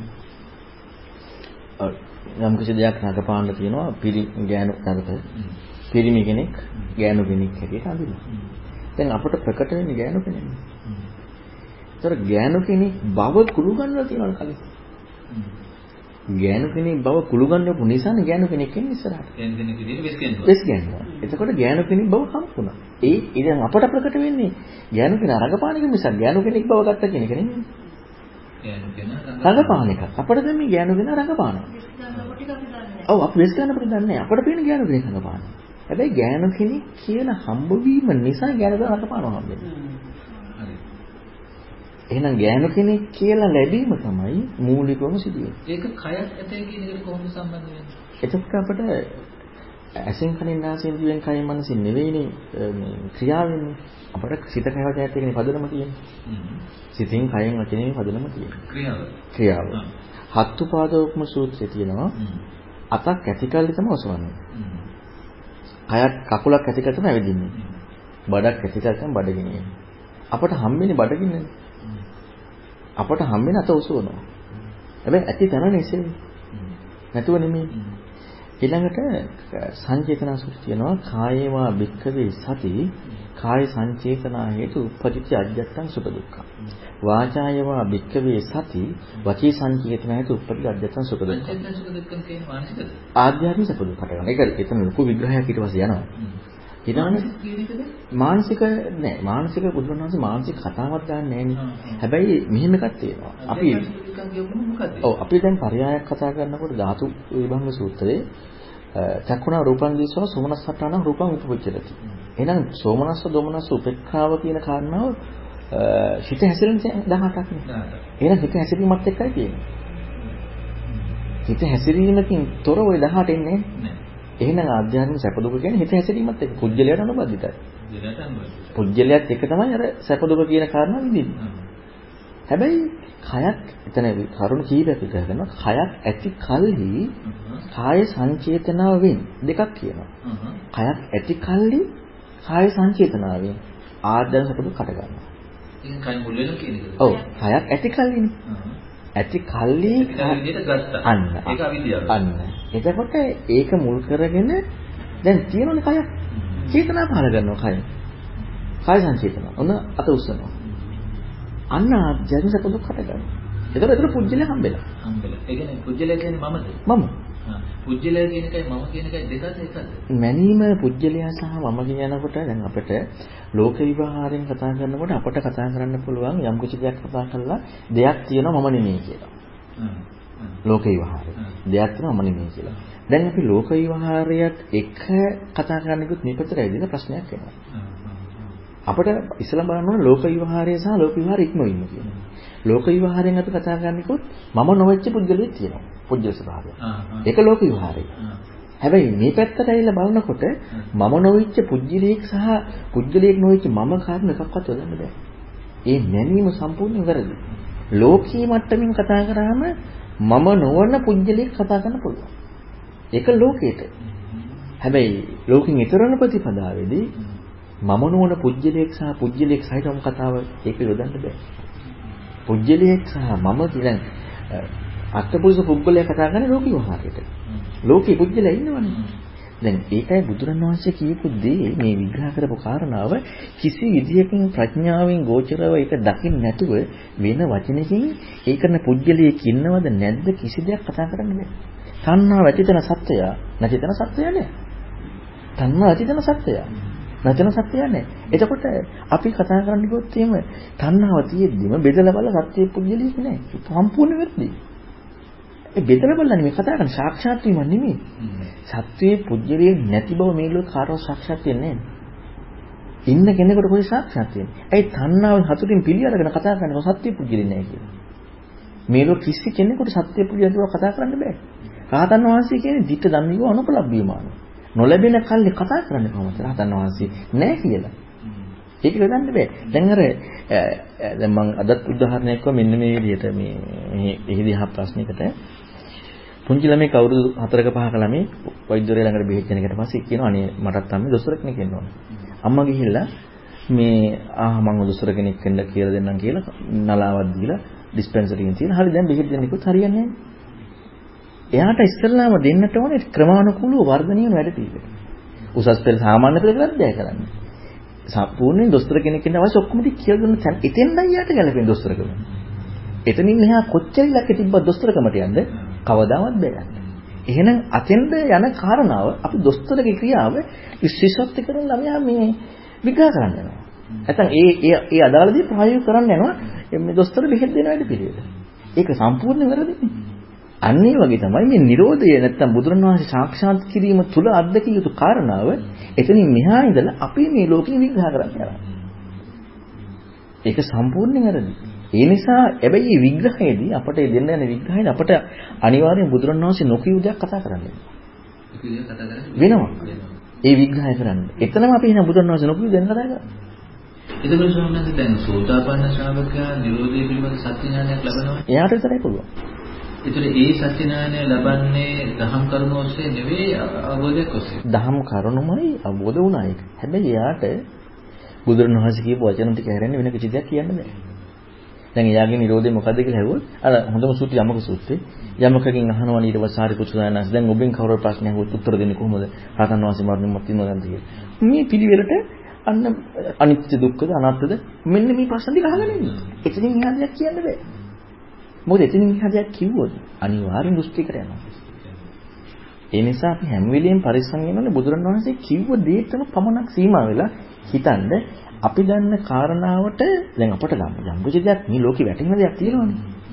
දැන් නූතන විද්‍යාවට ගැළපෙන විග්‍රහයක් තියෙනවා. මේකට හා ගැළපෙන නැත්නම් අපට අපට වැටහෙන දේත් එක්ක අර කාරණාව සංසන්දනය නොකර ඉන්න. ඒ කිව්ව රටාවත් ඒ විදිහටම කිව්ව නේද? ඔව්. ඒකම කිසි වෙනසක් වෙනස් කරේ. වෙනස් කරන්න බෑ. ඒක දැන් කටපාඩම් කිව්ව නෙමෙයි. ඒක ඒ සත්‍ය දැක්කනේ. වෙන විග්‍රහයක් දෙන්න බෑ. අද තියෙන්නේ අපි සම්පූර්ණයෙන් කැමැත්තක් තියනවා කොහොම හරි අර ටික අපි දන්න කෝණයත් එක්ක මේක විග්‍රහ කරගන්න. ඒ ප්‍රශ්නේ තියෙන්නේ. හැබැයි මේ විග්‍රහ කරනකොට අපට අපේ කෝණය නැතුව විග්‍රහ කරන්න බෑ. ඒ නිසා කිසි විදියකින් පටිච්චසමුප්පාදේ විශේෂයෙන් අනිත් පටිච්චසමුප්පාදයට එක්ක නේද බැඳලා තියෙන්නේ. පටිච්චසමුප්පාදේ බලනකොට බුදුරණවහන්සේ කියපු කාරණාව සම්පූර්ණයෙන් බලන්න ඕනේ. දැන් මම පුංචි උදාහරණයක් කියන ප්‍රායෝගිකව මේ ස්වාමීන් වහන්සේ නමකට වෙච්ච එක මම හිතන්නේ මම කලින් කියන්න ඇති. මේ කකුල ඇඟිල්ල කපලා ඒ වගේම තමයි අපි තුලත් ඇති බව ගැට්ටක් කියන කාරණාව. දැන් අර මොකද මේක කියන්නේ කියන්නේ අතක් ඇති අත කොට කෙනාගේ එයා අත කොටයි කියලා හැම වෙලෙම සිහි කරගෙන ඉන්නේ නේ. සිහියේ එළඹෙච්ච තැන අත කොට නැති. අත අත නැති බවම. එහෙමනම් අත ඇති බව ගැනීම තියෙනවා. අත ඇති බව නැත්නම් කකුල ඇති බව. මේ ගැනීම කෙනෙකුට ඇති වෙච්ච නිසාම තමයි ඒක මුල් කරගෙන යම් මේ මේ කටයුත්තක් සිදු වෙන්නේ. එතකොට එහෙනම් බුදුරණවහන්සේ පටිච්චසමුප්පාද විග්‍රහ කරන හැමතැනම මේ සංඛාර තුනම විග්‍රහ කරන්නේ ඒක වචනේ. කාය සංඛාර වචී සංකප්පිත සංඛාරෝ ඒක වචනෙන් විග්‍රහ කරනවා ඒක වේදල සූත්‍රයේ මේ විග්‍රහය කුළු ගන්නලා පෙන්නනවා බුදුරණස් පටිසම්පාද 12 විග්‍රහ විග්‍රහ කරන සංස්කාරට අසපසොත් දාන්නේ නැහැ අර ටික විතරයි කියන්නේ අතනදී විග්‍රහ කරලා පෙන්නනවා කය හා ප්‍රතිබද්ධ නිසා කියන මූලික කාරණාව. ඒතර කයක් ඇති බව පදනම් වීමට. වචනයක් සිතක් ඇති බව පදනම් වීමට. හැබැයි දැන් පදනම් වෙලා ඊට පස්සේ ක්‍රියා කරනවා නේ. දැන් මට මේක අත උස්සන්න ඕන කිව්වට පස්සේ අත ආ දැන් අතක් මගේ තියෙනවා. දැන් උස්සන්න ඕන කියලා එකක් නැහැ. මං උස්සන්නෙම තියෙන නිසා අත. තියෙන නිසා අභ්‍යන්තරේම තියෙන. ඒ අභ්‍යන්තර තියෙනවා කියන අවිද්‍යාව නිසා. අවිද්‍යාව නිසායි තියෙන්නේ. ඔන්න ඕක අපට අල්ලන්න අමාරු. දැන් අපට එන්නේ ඉස්සලාමින් අභ්‍යන්තර තියෙනවා කියන එක. නමුත් තියෙන්නේ අවිද්‍යාව. අභ්‍යන්තරේ තියෙනවා නෙවෙයි අවිද්‍යාවෙන් තියෙන්නේ. සත්‍ය දැක්කනම් ඒ කාරණාව නේ. සත්‍ය දැකන කොහොමද නෑ සත්‍ය දැක්කනම් නෑ නෙමෙයි. සත්‍ය ඥානෙ නෙන්නේ. නැති වෙන්නේ නිරුද්ධ වුණාට පස්සේ සත්‍ය ඥානෙදි හම්බෙන්නේ බොරුවක් නේ ලෝකේ පැවැත්ම. උදාහරණ පහෙන් හිතන්නකො පංචපාස්කන්ධ. චේතනාව, සංඥාව, රූපය, පෙනගුලිය. ওই කාරණා ටික උදාහරණ ගත්තට පස්සේ යමක් හම්බෙනවනේ. පෙනගුලියක්, දීවබුලක්, මිරිගුවක්, කෙසෙල් අරටුවක්, මායාවක්. යමක් හම්බෙනවා. හැබැයි ඒක ඒ විදිහට දැක්කොත් ඕකෙන් ප්‍රයෝජනයක් ගන්න කියන්නේ ඕක ඇත්තයි කියලා යන්නේ නෑ. ඒක ඒ විදිහට දැක්කොත් එහෙනම් ඒ ගත්ත සියලු දේ සාවද්ද දෙයක් නේ. කියන්නේ වැරදි දෙයක් නේ. පදනම අවිද්‍යාවනේ. අඥානකම. එහෙනම් මේ ලැබිච්ච ඔක්කොගෙම පදනම මෝඩකම. එහෙනම් ඒ මෝඩකම දුරු වුණා නම් අර මෝඩ ඵලෙ හම්බෙන්නේ මෝඩකමට අර මෝඩ ප්‍රතිඵලයක් හම්බෙලා තියෙනවා. ඕක දැක්කනම් ඒක දකින්නේ මෝඩකම කියන නුවණත් එක්ක එහෙනම් ඒකම වර්ධනය කරගෙන යනකොට නුවණ දියුණු වෙලා අන්න කෘත්‍ය කරනවා. කෘත්‍ය කරමින් යනකොට මේ හේතු දුරු කිරීමටයි වැඩ පිළිවෙල කරන්නේ. එහෙනම් මේ සාර වශයෙන් ගන්න බෑ කියන එකද සත්‍ය ඥානෙ සාර වශයෙන් හේතුඵල ධර්මත් එක්කනේ. එහෙනම් හේතුඵල හේතුයෙන් ඵලයි අපි ගත්තොත් විනෝපම සූත්‍රයේ නන්දකවද සූත්‍රයේ ওই කරුණු ටික තුල කුළු ගන්නලා පෙන්වා දෙන උදාහරණයක් එක්ක.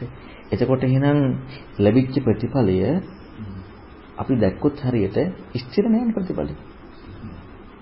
එතකොට ස්ථිර නැහැ කියලා දැකපු තැනදීම ඒකෙන් ප්‍රයෝජනයක් ගන්නවා. නමුත් ඒක ඒකට බැස ගන්න, ඒක මම කියලා ගන්න, නැත්නම් ඒක තුල ඉන්න අවශ්‍යතාවය අර ඇත්ත දකින්න දකින්න ගොඩ නැගින් එන්නේ නැහැ. ඇයි ඒක ස්ථිර නැහැ? හේතුඵලයෙන් සකස් වෙච්ච දෙයක්. ඕකම නිතර දකිනවනම් එතකොට වර්ධනය වෙනවා නුවණ. ඒකයි බුදුරණවහන්සේ පටිසමුපාදයේ මූලාරම්භයට ඥානියමයි දාලා තියෙන්නේ. ඇයි ඔක දකින්න දකින්න ගොඩ නැගෙන්නේ ඥානෙනේ. ඥානෙ ගොඩ නැගෙනවා නම් අඥානකමින් නම් හම්බුනේ ඥානෙ සම්පූර්ණ වෙනකොට අඥානකමේ ඵලෙන්න ප්‍රතිදයනවා. එදෙන් ඔක හම්බෙන්නේ ඥානෙට.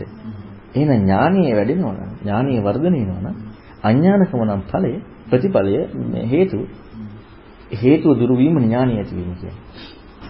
දැන් අපි මෙහෙම කිව්ව ස්වාමීන් වහන්සේ මේ ජරා මරණ දුකයි ප්‍රහාණය වෙන්නේ කියලා විද්‍යාවේ. ඒක වැරදි. නෑ එහෙම දුන්නාසි කියලා නේ.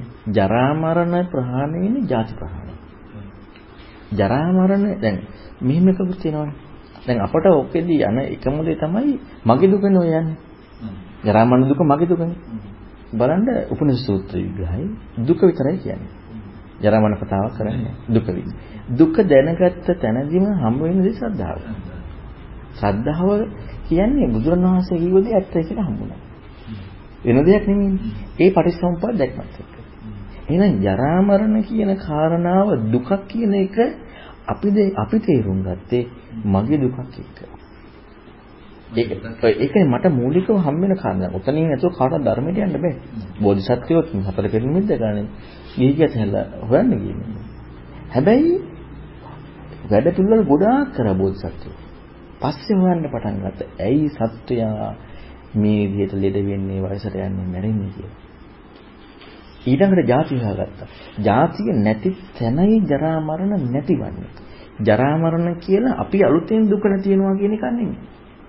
දැන් ආරණ්‍යයත් එක්ක බලනකොට මම එකයි කිව්වේ අපි යම් කිසි දෙයක් තේරුම් ගන්නකොට බලනෝනේ බුදුරණවහන්සේ ඒකෙදි මොකද දීලා තියෙන්නේ කියලා.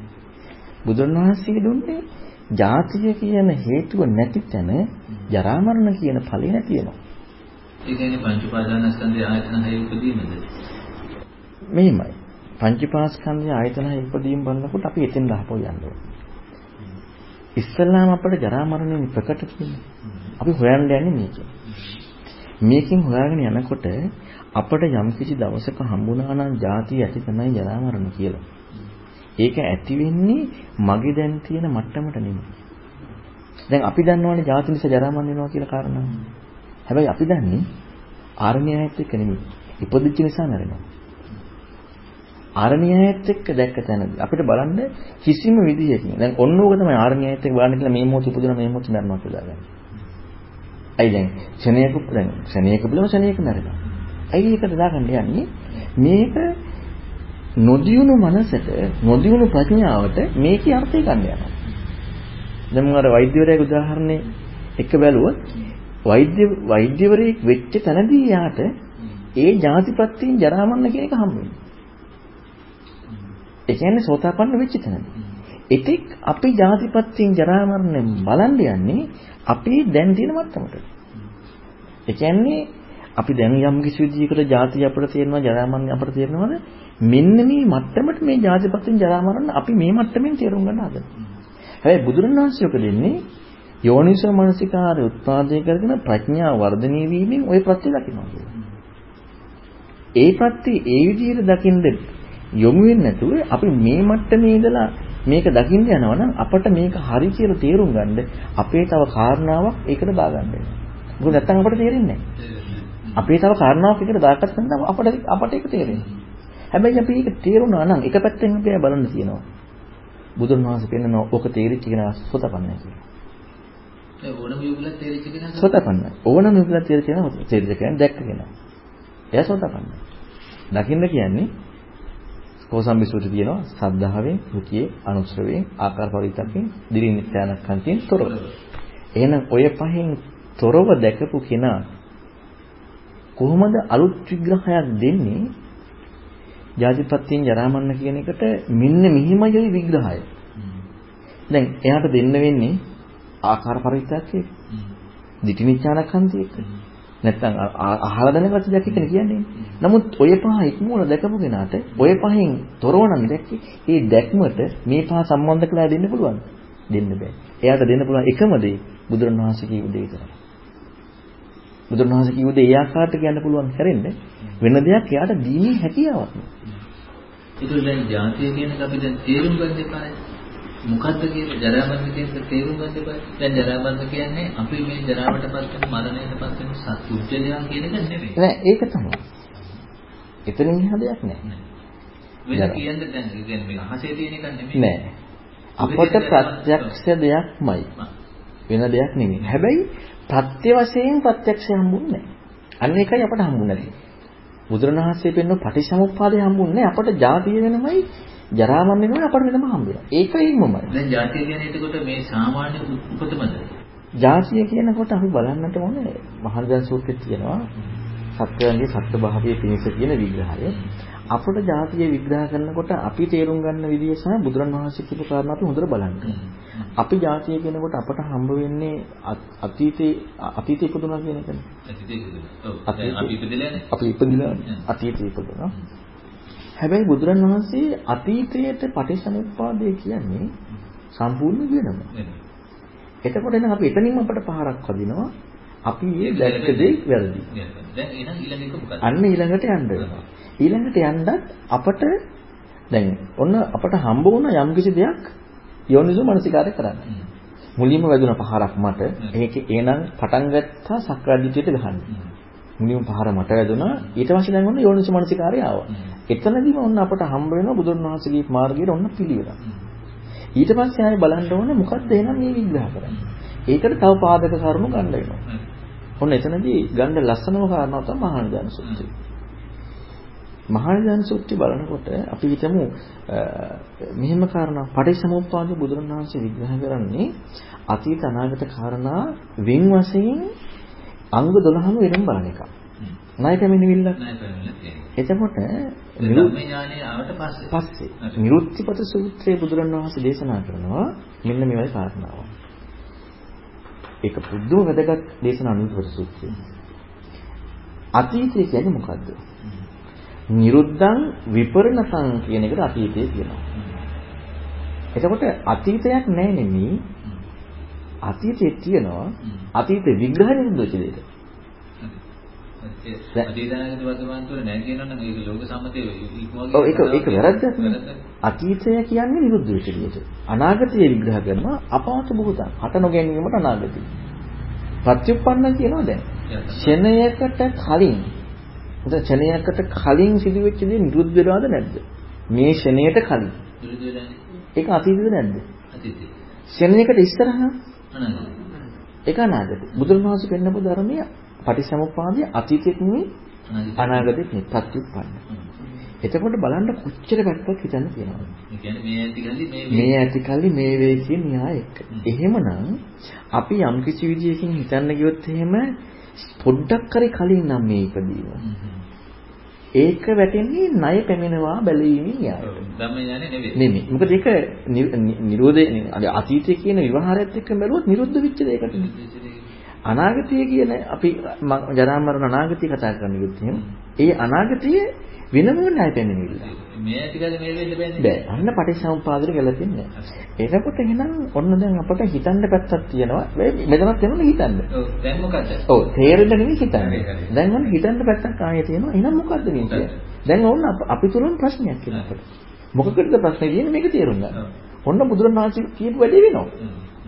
මොකද බුදුරණවහන්සේගේ ධර්මයේ අහපු දණදි වෙන්න ඕන තියෝනස මනස ගන්න.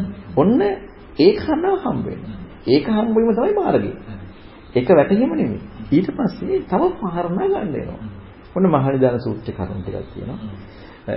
එතන තියෙනවා ඒ ඒ සත්වයන්ගේ ඒ ඒ සත්ව භාවය පිණිස ජාති නැතිනම් ජරා මරණ තියනවාද කියලා. ඒ ඒ සත්ව භාවය පිණිස. මනුෂ්‍යයන්ගේ මනුසත්වයේ පිණිස. දෙවියන්ගේ දේවත්වයේ පිණිස. තිරිසනාගේ තිරිසන් භාවයේ පිණිස ජාති නැතිනම් ජරා මරණ තියනවා. එතනත් අවුත් කියනවා කියනවා. ඒ ඒ සත්‍යයන්ගේ ඒ ඒ සත්‍ය ස්වභාවය පිණිස. ජාතිය නැතිනම් ජරා මරණ තියනවාද? නෑ. එහෙනම් එතන දැන් මොකද්ද මේ කියන්නේ? මොන තව පැත්තක් හිතන්න කියන්නේ. එතකොට එහෙනම් මේ කරුණ ඔක්කොම බලනකොට අපට යෝනිසු මනසිකාට ගොඩක් හම්බෙලා නැහැ. යෝනිසු මනසිකාට හම්බෙච්චදී අපි ওই හැම පැත්තක්ම දැන් කල්පනා කරන්න යනකොට දැන් මේක හම්බුනේ අයින් කරන්නේ ඔය විතරයි. ඒක තමයි. ගන්න ඒවා ගන්න එකක්වත් හම්බෙන්නේ කියන්නේ නෑනේ. අයින් කරන්නේ ඔය ඔක්කොම අයින් කරන ඒවා. ගන්න එකක් දැන් ගන්නේ කවුද? මමනේ. ඒතර මටනේ මේ ගැලපුණේ. මමයි හරි ගියේ. හැබැයි දැන් අපි ඔක්කොම අයින් කර කර අයින් කර කර වැරදි කියලා කියන්නේ කාගේවද? මගේ. එතකොට අපට ඔය ක්‍රමී එන්න එන්න එන්න එන්න දියුණු වෙනකොට අපි දැන් විචක්ෂණයකුත් කරනවා අපි තුල මොකක් කරේ වැඩිලා නේද දැන්? මේක වැරදි කියලා අපි ගත්තේ අර ධර්මයේ පාදක කරගෙන ඒක වැටහිච්ච නිසා මොකද වැරද්ද වැටුණානේ. අර පැත්ත හරි නිසා ඔන්න ටික ටික මේව අයින් කර කර ගිය වැරදි. අවසානෙට යන්නේ මොකද්ද මේක වර්ධනය වෙන්න වර්ධනය වෙන්න. ප්‍රඥාව උපරිම වැඩුණා. බුදුරණවහන්සේ කියපු වචනයට හැර වෙන කිසි දෙයක් දෙන්න හැකියාවක් නැහැ. ජාතිපත්‍යින් ජරාවන්න විතරයි. වෙන කිසි දෙයක් දෙන්න බෑ. අපි ගත්ත සියලු අර්ථ අන්න සද්ධාවෙන් අපි තේරුම් ගත්ත රුචියෙන් අපට හම්බෙච්ච අනුශ්‍රවයෙන් හම්බෙච්ච ආකාර පරිවිතක්යෙන් හම්බෙච්ච දිටිනිච්ඡාන කාන්ති වලින් අපට හම්බෙච්ච සියලු දේ වැරදි කියලා හම්බුණ අරක අරකට එක්ක හිතන්න කියලා. බුදුරණවහන්සේගේ ධර්මයේ එක්ක හිතන්න ගිහිල්ලා අපි මේ ගත්ත ඔක්කොම වැරදි කියලා හම්බුණා. ඒ වැරදි කියලා හම්බෙනවා කියලා කියන්නේ වර්තමානයේ ප්‍රායෝගිකව අපේ චේතනාවෙන් හම්බ වෙච්ච දෙයට වැරදි කියලාම කාරණාවක් හම්බෙලා. ඒ කියන්නේ මම කියලා ගැනීම වැරදි. සක්කාදිටට පහරක් විදිනවා. වෙන මොකුත් නෙමෙයිලා තියෙන්නේ. අපට අපව තේරුණා නෙමෙයි. දැන් අපි කැමති ඒක ලස්සනට ගැළපිලා තේරෙනවනේ. හැබැයි බුදුරණවහන්සේ දුන්න කෘත්‍ය මොකද්ද? සද්ධර්ම ශ්‍රවණයේ යෝනිසමනසිකාරය එන්න ඕනේ. යෝනිසමනසිකාරය එනකොට සක්කාදිට්ඨිය කැඩෙන්න ඕනේ. දැන් ඒ වැඩේ වෙන්නේ නැද්ද? යෝනි සද්ධර්මිය ඇහෙනකොට යෝනිසමනසිකාරය එනකොට සක්කාදිට්ඨිය ඕනේ. දැන් අපි ධර්මිය අහනකොට යෝනිසමනසිකාරයේ ධර්මියම හොය හොයා කරනකොට එන්න එන්න හම්බෙන්නේ අපි දල් තිබ්බ ඔක්කොම වැරදි. ශ්‍රද්ධාවෙන් ගත්තදී, අනුශ්‍රවයෙන් ගත්තදී, රුචියෙන් ගත්තදී, ආකාරවලිත ඔක්කොම වැරදි. කැඩු මොකද්ද මොකකටද පහර වැදුනේ? සක්කාය දිට්ඨිය. එහෙනම් ඕක උපරිමයෙන් යනකොට සියල්ලක්ම අපි ගත්ත ඔක්කොම වැරදි කියලා හම්බෙනවා. එතකොට හරි අරක විතරයි. මම ඉපදුන තැන ජරා. මගේ තමයි ජරා මරණය. මම හිතා ජරා. හැබැයි අපිට බලන්න ඕනේ බුදුරණවහන්සේ කියන්නේ මගේ මගේ ජාතිය නිසා මම ජරා මරණට එනවා නෙමෙයි. ඔන්න තව ප්‍රශ්නයක්. ඔන්න තව හිතන්න කාරණාවක්. බුදුරණවහන්සේ පටිසමුපාද විග්‍රහ කරේ මම ඉපදෙන නිසා මම මරනවා කියලා කිව්වේ නෑ. ජාතිපත්තින් ජරාවන් ජාතිර හේතු භවයේ. දැන් අපි දැන් දකින්නේ මම ඉපදිච්ච නිසා මරනවා කියලා. අපි මමයි ඉපදෙන්නේ මමයි නැතින්නේ. බුදුන් වහන්සේම කිව්වේ නෑ. ජාතියට හේතු භවයේ. භවයට හේතු දැන් අපට හරියට ජාතිය තේරුම් ගන්නට නම් අපට කවදාවත් පුළුවන් ද හේතුව තේරුම් ගන්න තු තේරුම් ගන්න. එහෙනම් හේතුව හොයන්න වෙනවනේ. ඊළඟට ඒ ඒ හේතුව හරියට තේරුම් ගත්තොත් නේද ජාතිය මේකයි කියලා තේරුන්නේ. ඒ කියන්නේ භවය. භවය හරියට තේරුම් ගන්න පුළුවන් ඒකේ හේතු තේරුම් ගන්න නැතුව. එහෙනම් අවිද්‍යාව දක්වාම තේරුම් ගන්න නැතුව ජාති තේරුම් ගන්න බෑ. එහෙනම් අවිද්‍යාව දක්වාම තේරිච්ච තැනදී ජාතිය තේරෙන්නේ. අවිද්‍යාව දක්වා තේරෙන්නේ කොහොමද? මේක මෝඩකමක් කියලා හම්බෙන්නේ නුවණකට නෙමෙයිද? දැන් අපට මෝඩකමක් තියනවා කියලා හම්බ වෙන්න මේක මෝඩකමයි කියන මනින්න තව සාපේක්ෂ පැත්තක් ඕනේ නේ. දැන් මෝඩකම මනින්න බෑනේ තව දෙයකට සාපේක්ෂ නැතුව. එහෙනම් මෝඩකම මැනීමට සාපේක්ෂ විය යුත්තේ නුවණනේ. ඉතින් එන පටිච්චසමුප්පාද හම්බුනේ නුවණට. එහෙනම් පටිච්චසමුප්පාදයේ හම්බ වෙන තැනදීම දුක්ඛ ඥානං, සමුදය ඥානං, නිරෝධ ඥානං, මග්ග ඥානං හම්බ වෙන්නම වෙනවා. ඕක හම්බුනේ නැත්නම් පටිච්චසමුප්පාදේ හම්බෙන්නේ නැහැ. මොකද අරක මෝඩකම කියලා මැනගන්නට අපට ඥානෙ තියෙන්නට එනවා. එතෙක් හම්බෙන්නේ නැහැ. අන්න එතනදී ඥානි හම්බුණා කියන්නේ මොකද්ද? අපි දිගටම කරගෙන ගියේ මොකද්ද? අහන අහන දේත් එක යෝනිසෝ මනසිකාරය. යෝනිසෝ මනසිකාරය කරන්න කරන්න ශ්‍රද්ධාවෙන් පිළිගත්ත දේට, රුචියෙන් පිළිගත්ත දේට, අනුස්සවයෙන් හම්බෙච්ච දේ, ආකාර පරිත්තකෙන් හම්බෙච්ච දේට, දිටිනිච්ඡානක්ඛන්තියෙන් හම්බෙච්ච දේට වැරදි වැරදි කියලාම පහරක් වෙනවා. හැබැයි ශ්‍රද්ධාව පාදකයි. ඒක නරක හරි. ධර්මයේ හරි එකයි. ඒක පාදක කරගෙන පහර වැදුනෙම මේ මගේ පැත්තේ ඔක්කොට පහර වැදුනා. එතකොට ඥානීය උදා වෙන තැනදී සම්පූර්ණයෙන් හම්බුණා මේ පැත්ත සම්පූර්ණයෙන් වැරදීන කියලා. ප්‍රායෝගිකවම සක්කාදිට්ඨිය කැඩුනා. අන්න ඒකාන්ත සද්ධාාවක් ඇති වුණා ධර්මයේ කෙරෙහි. ඇයි වෙන වචන දෙන්න නැහැනේ? වෙන කිසිදු වචනයක් දෙන්න නැහැ. ඒකටම සද්ධාව ඇති වුණා. එයාට ඒක හැර වෙන දෙයක් කියන්නත් බෑ. අන්න දහමයි දැක්කේ. වෙන දෙයක් නෙමෙයි. හැබැයි දහම දැක්කේ බුදුරණවහන්සේ කිව්ව නිසා නෙමෙයි. Taman දැක්කේ. බුදුරණවහන්සේ කිව්ව දහම දැක්කේ තමයි. කිව්ව නිසා පිළිගත්ත දෙයක් නෙමෙයි. ඒක දැන් Taman දැක්කා. ඒක මම දහනවනේ. ඔව්. ඒක තණ්හා සංකේත සූත්‍රය අහන්නේ. ඊළඟට හැබැයි දැන් යාට කියන්න තියෙන්නේ මොකද්ද? මම දැකපු දෙයක් නෙමෙයිනේ. දහමනේ කියන්නේ මම දැක්කනම් මමත් එක්ක මේ කතා කරන්නේ. එයාට කියන්න තියෙන අර ධර්මයේ විතරයි. වෙන කිසිදයක් කියන්න බෑ. එකදු ස්පිල්ලක් වෙනස් කරලා බුදුරණවහන්සේගේ ධර්මයෙන් කතා කරන්න බෑ. කතා කරොත් කතා කරන්නේ අපේ තියෙන කෝණයක් දාගෙන. එහෙනම් මේ ක්‍රමානුකූල අපට ජාතිපත්‍යයෙන් ජරාමරණ කතා කරන කාරණාව කිසි විදියකින් මේ යෝනිසු මනසිකාරය උත්පාදේ වෙන්නේ නැතුව ඒ වගේම සක්කාදිට්ඨිය කැඩෙන්නේ නැතුව තේරෙන්නේ නැහැ. තේරුණා නම් තේරුණේ අපි අලුත් වචන ටිකක් එකට දාගෙන. අලුත් වචන ටිකක් දැම්මා කියලා කියන්නේ බුදුරණවහන්සේගේ ධර්මයෙන් පිටපැන්න. ඒ අලුත් දෙයක් කියවනේ. අන්න බුදුරණවහන්සේ ධර්මයෙන් පිටපැන්න. පිටපැන්න අපි සද්ධර්ජන ස්වාකාර පරිත්තක් කියන කෝණයට දාගත්තා. මේකට එකයි බුදුරණවහන්සේ දේශනා කරන්නේ අශ්‍රෝමයක් පල්ලා විදින උපමාව. එච්චර තීක්ෂණ භාවයක් තියෙනවා. ඒකට අපිට වෙලේම ගමන් දැන් මේකේ එතකොට දැන් මේකේ තියෙන අපි සාමාන්‍ය උත්සාහ කරන්නේ දැන් අපි කියමු ජාතිය කියන වචනේ තේරුම වචනාර්ථයකින් කොහෙද නෙවෙයි පටිච්චසමුප්පන්න බව. ඔන්නක අපිට වැටෙනවා. අපි ජාතියන හොයන්නේ යන්නේ. ජාතිය නෙමෙයි හොයන්නේ ආයේ. පටිච්චසමුප්පන්න බව. ජාතික හේතු. ජාතික හේතු. ජාතිය තේරුම් ගන්න බෑ හේතු තේරුම් ගන්න. අපි තේරුම් ගන්න හදනවා ජාතිය. ජාතිය කවදාවත් තේරුම් ගන්න බෑ හේතු තේරුම් ගන්න නැතුව. දැන් අපි උත්සාහ කරන්නේ ඒකේ වැරද්ද තමයි ජාතිය වචනාර්ථයෙන් හොයන එක. අන්න අපි හොයන්න හදන ඒ ඒ එතනම අපි තුල තියෙනවනේ ಜಾතිය ඇති දෙයක් සාස්වතයකට කියන්නේ. ඇයි හේතු හොයන්නේ? හේතුවෙන් හටගත්තු දෙයක් කියන කාරණාවට යන්නේ නැති තැනම අපේ ಜಾතිය සාස්වතයි. ඇයි තියෙන දෙයක් නෙවෙයි හොයන්න යන්නේ. ಜಾතිය හොයන්නට ඕන ති හේතු එක්ක. කවදාවත් ಜಾති හේතු නැතුව හෙව්වොත් තියෙන දේ අපි නෙවෙයි හොයන්නේ. ඒ සාස්වත දෘෂ්ටිය තියෙන දෙයක් නේ කතා කරන්නේ. ඉස්සල්ලාම බලන්න ඕනේ මේ පටි. ඒකයි බුදුරණවහන්සේ විතරක් අ, විග්‍රහ කරන දාසාරණාව කියන පටිසමුප්පාදය. ලෝකේ හැමෝම හොයන විග්‍රහ කරනකොට තියෙන දෙයක්. තියෙන කාරණාවක් හොයන්න පටන් ගන්නවා. බුදුරණවහන්සේ විතරයි පටිසමුප්පාද කියන්නේ. වචනාර්ථයෙන් බුදුරජාණන් වහන්සේ දුන්න මේකටම නේ. වචනාර්ථයක් දුන්නා. දුන්න. නැත්තම් අපිට මේ ඒ ඒක තේරුම් ගන්න බෑනේ. සීමාව ඕනනේ. දැන් පංචමාස්කන්ධ ගැන දන්න දෙයකට කතා කරන්න පුළුවන්. බෑනේ. දැන් අපි හිතමු මම අද ගිහලා අලකාර කට්ටියන් ඉස්සලාම පටිසම්පද ගැන කොහොමද නැති මුලවද තේරෙන්නේ. එහෙනම් මේක යම් දෙයක් ඕනනේ තේරුම් ගන්න. දැන් ජාතියට ජාති සංජාති ඔක්කොම.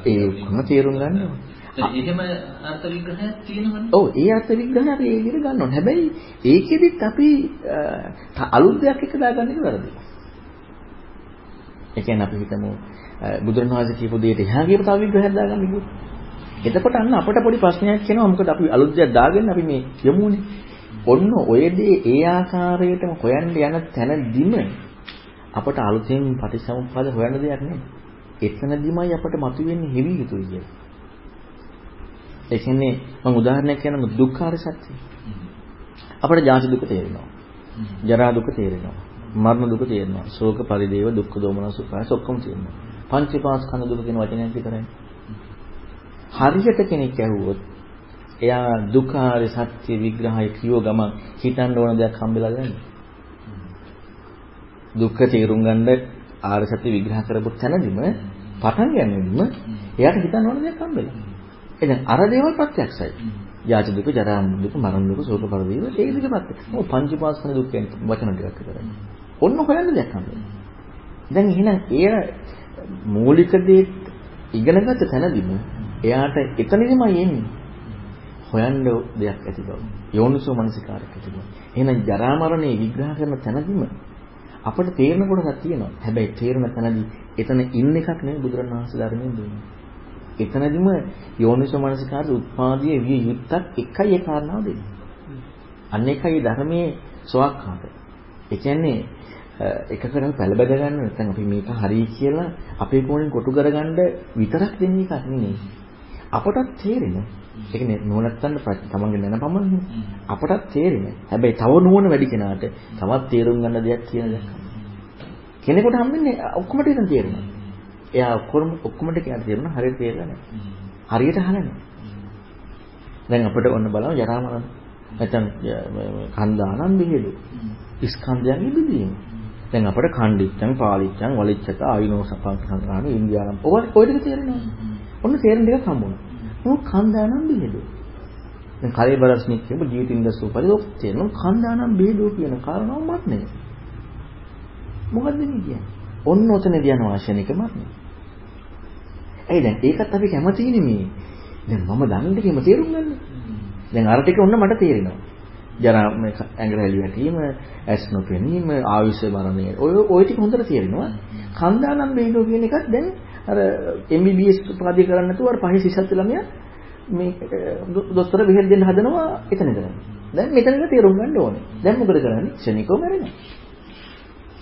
ඊළඟට කන්දානම් පාතු භාව. ක්ෂණිකව උපදිනවා. ඇයි අර MBBS උපාධිය ගන්නද පහවසර ළමයා වෛද්‍යවරයෙක් ඉන්නකම. එතකොට මේ දෙක දෙකට සම්බන්ධ වෙලා තියෙනවා? සම්බන්ධෙත් තියෙනවා. තවත් ප්‍රශ්න එකයි සම්බන්ධිකුත් තියෙනවා. ඒ කන්දානම් පාතු භාව ක්ෂණික ඉපදුනා කන්දානම් බෙහෙත්. හැබැයි හොඳට හිතන තව කාරණාවක් තියෙනවා. හිතන කෙනාගේ ලක්ෂණය. බුදුරන් වහන්සේ Nirodhe විග්‍රහ කරන්න නැතිවීමට නෙමෙයි. Nirodhe විග්‍රහ කරන්න නැතිවීමට නෙමෙයි හේතු නැති තැන හට නොගැනීම Nirodhe කියන්නේ. බුදුරණවහන්සේ දේශනා හැමතැනම බලන්න Nirodhe කියන්නේ ඉමස්මින් අසති ඉදන් නොහෝති. හේතු නැති තැනට ඵල නැති බවයි Nirodhe කියන්නේ. නමුත් ඔය ශනික උපදිනවා ශනික මරනවා කියන බුදුරණවහන්සේ කියනවා Nirodhe නෙමෙයි. ඇයි? ශනිකව උපදිනවා කියන හේතුව ඇති තැන ශනිකව මැරෙනවා කියන දේ. ඒක Nirodhe කියන කාරණාව කතා කරලා තියෙන්නේ හේතු තියෙනකොටනේ. බුදුරණවහන්සේ Nirodhe කතා කරන්නේ හේතු නැති තැනට. ඉතින් මෙතන කතා කරන්නේ හේතු තියෙනකොට නිරෝධය. ඉතින් ඒත් බුදුන් වහන්සේ ධර්මෙන්නේ. ඔන්න ශනික උපදී ශනික මරණ ඉවත්. බුදුන් වහන්සේ කිව්ව දෙන්නේ නැහැ. පටිච්චසමුප්පාදයට ගැලපෙන්නේ නැහැ. ආවිනයාට ගැලපෙන්නේ නැහැ. ඒ මේ මොහොතේ පුදුනවා මේ මොහොතේ මරනවා. හේතුන් පස්සේ ඵලය හේතු ඇති තැනයි ඵල නිරෝධයලා තියෙන්නේ. ඒක වෙන්න පුළුවන් වැඩ නෙමෙයි. හේතු ඇති තැන ඵල නිරෝධ වෙන්නේ හේතු නැති තැන ඵල නිරෝධ වෙන්නේ. අන්න ඒකත් වැරදි කියලා අතහරිනවා. එන්න එන හැමදේම වැරදි කියලා අතහරිනවා. මොකද ඒකට හේතුව අපි අර කැමති මෙතන ඉඳලා මර කාරණා තේරුම් ගන්න. හැබැයි අර යෝනිස මනසිකාට මේක දුන්නේ කියලා ඒක මතක් වෙන්නේ දැන් අපි වැරද්ද උත්තරයක් වෙන එකද සඳහන්? උත්තරයක් හොයන්න ඕනේ. නැත්නම් නෑ මොකද හේතුව අපි කැමති අපි අපි අපි පුජ්‍යලීක්නේ. සක්කද්දට ඉන්නුත්තේ. හැබැයි උත්තරයක් වෙනකොට ඒ උත්තර හැම එකම වැරදි කියලා හම්බෙන්න ඕනේ. ධර්මයේ යනකොට. උත්තරයක් අපට හම්බ වෙන්නේ නැත්නම් යම් කිසි විදිහකින් අපි හොයන්නේ නෑනේ. උත්තරයක් අපට හම්බ වෙන්නේ නැත්නම් අපි හොයන්නේ. අපට උත්තරයක් හම්බ වෙන්න ඕනේ. හැබැයි ඒ උත්තරේ වරදින්නත් ඕනේ. ඒ උත්තරේ හරිනේ. ඒ කියන්නේ ඒකයි දිනුවක් නෙමෙයි මේක තියෙන්නේ. දැන් අපි කෙමිස්ට්‍රි වලට මුලින් උගන්වන කාරණාව හරි කියලා උගන්වන්නේ පස්සේ වැරදි කියලා උගන්වන්නේ. ඒක හරි කියලා ඉගෙන ගත්තේ නැත්නම් අපට අරක මේ පස්සේ උගන්වන ගද්දි ඒක වැරදි කියලා ගන්නෙ අපට උත්තරයක් හම් වෙන්න ඕනේ. හැබැයි ඒක වැරදින්නත් ඕනේ පස්සේ. අරහත්ත්වයට දක්වාම එකද? අරහත්ත්වයට දක්වාම මේක. ආ මෙහෙමයි සෝතාපන්න වුණාට පස්සේ ඇත්තටම මේ දර්ශනීය සම්බන්ධයෙන් ප්‍රශ්නේ නැහැ. ඒ කියන්නේ ධර්මයේ සම්බන්ධ ප්‍රශ්නේ නැහැ. එයාට ප්‍රායෝගිකව කෙලෙස් එක්කම ප්‍රශ්නේ තියෙනවා. ඒ කියන්නේ ප්‍රඥාව කොටස ඉතින් ප්‍රඥාව විග්‍රහ කරන්න මේ චතුරාර්ය සත්‍ය සත්‍ය ඥානෙත් නේද? ඔව්. ඒකයි පංචපාස්කන උදේවයි. ඒතකොට ප්‍රඥා භාවිතානේ වෙන්නේ අනිත් කෙනා. අරහතේ දක්වා. ඒක ඉතින් මේ දැන් අපි දැන් අපි දැන් හිතන් හිටපු ලස්සන අර මේ රාමුවක තියෙන හිමින්සුරන වැඩ පිළිලක් නෙමෙයි ධර්මයේ. මේකේ තියෙනවා අති සූක්ෂම තියුණු චින්තන හැකියාවකින් හිතන්න ඕන පැති ගොඩක්. හැබැයි ඔක්කොම ධර්මයට එක බහලා ගන්න. දැන් බලන්න හිතලා මං කියපු එක කාරණාවක් හරි මම කිව්වද වෙන කාරණාවකින් පිට. මං හැම එකම පෙන්වන්නේ ධර්මයේ දෙන කාරණා. දැන් එකක්වත් මගේ අදහසක් නෙමෙයි මං කියේ. මං අරකේ තියෙන අදහස මෙන්න මේකට ගැලපෙන්නේ නැහැ කියන කාරණාව. එහෙනම් බලන්න මේ ධර්මයේ සැනදීම තුළ අපි කොච්චර දිනුවක් කරා යනවද? අපි ධර්මයේ සැන නොදීපු නිසා තමයි අපි තුළ වර්ධනයක් වෙලා නැත්තේ. මොකද අයි අපි අතින් සැනදීලා නැහැ. අපේ අදහසත් එක්ක අපි සැනදීලා තියෙනවා. දැන් මේකේ අනිත් ප්‍රශ්නේ ස්වාමීන් වහන්සේ අපිට දැන් අපි අපිට හැම වෙලාවෙම ප්‍රතික්ෂේප වෙනවා. ඒකට නැවත නැවත ධර්මයේ කියවල කරුණු හොයන්නත් වෙනවනේ. නැත්තම් මේක ඉස්සරහට හොයාගන්න ඊළඟ කල්පනාව කරන්නේ කොහොමද? අන්න ඒ අන්න ඒක තමයි වැදගත්. දැන් බුදුරණවහන්සේ හිටියා නම් අපට කෙලින්ම බණ කියලා පහත් ධර්මයේ හම්බෙයි. අපට මේ ධර්මයේ හැම එකක්ම ඉගෙන ගන්න ඕනේ තන එකයි. හැම එකක්ම ඉගෙන ගන්නකොට ඉගෙන ගන්නකොට අද තේරිච්ච දේ නෙමෙයි සමහරලාට අපි අපි අපිට කවදාවත් නොපෙනිච්ච දෙයක් අලුත් ඒ තිබ්බයිද අපට පේන්නේ ඇයි ඒක පේන්නේ නැත්තේ? අපි අපේ තියෙන කෝණෙන් අපරක බැලුවේ. ඒ කෝණෙට ඒ ටික අහුවුණා. හැබැයි හිතීමේ හැකියාව වැඩි කෙනාට ඒ කෝණෙට අහුවෙන දෙයට එහාදී හම් වෙනවා. අනිත් කෙනාට හම් වෙන්නේ කෝණේ ටිකට ලස්සන ගැලපෙන අලුත්ෙන් අපි ලස්සන ආයසූත්‍රය බලපු එක බැලුවොත් අපි දන්න විදිහට එහාදයක් තියෙනවා අපිට අන්න බලන්න එහෙනම් එයාට යෝනිසු මනසිකාටදී හම්බෙයි. දිගටම කරන්න තියෙන අන්න ඒක ඒ කාරණා අපි කරනකොට දැන් බලන්න ධම්මානුදම් පටිපදාව වියුත්තේ සද්ධර්ම ශ්‍රවණයේදී ප්‍රායෝගික සක්කාදිට කැඩීම. දැන් ඔය කරන ක්‍රමයේ තුල අපි මට පාරක් වෙලා නැද්ද? ප්‍රායෝගිකවම. ඉතින් ප්‍රායෝගිකව ධම්මානුදම් පටිපදාව දිනු වෙලා.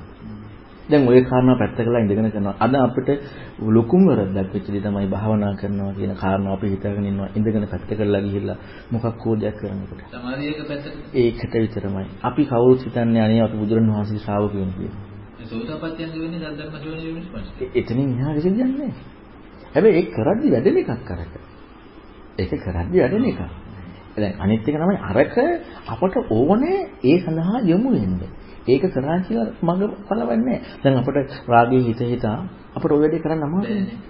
ඊළඟට අපිට දුස්සීල වෙලා වැරදි වැඩ කරගෙන අපිට කරන්න අමාරුයි. ඉතින් එහෙනම් සිල්වත් වෙන්න ඕනේ. සමාධිය කරන්න හැබැයි නිවන් දකින්නේ. අර වැඩේ කරගන්න. ධර්මය අහලා යෝනිසමනසිකාරය කිරීම සඳහා සිල්වත් වෙන්න ඕනේ. ඊළඟට සමාධියක් වඩන්න ඕනේ. හැබැයි සමාධිය දුව කියලා සිල්වත් වුණා කියලා සක්කාදිට එක දෙන්නේ නැහැ.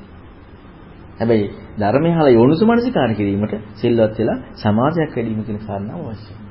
කියන්නේ දුස්සීල වෙදලා බිබීම කරන්න කියන එක නෙවෙයි. නෙවෙයි. අන්නේ ඒක එක බෑ කරන්න. හිත වික්ෂිප්ත කෙනාට බෑ කරන්න.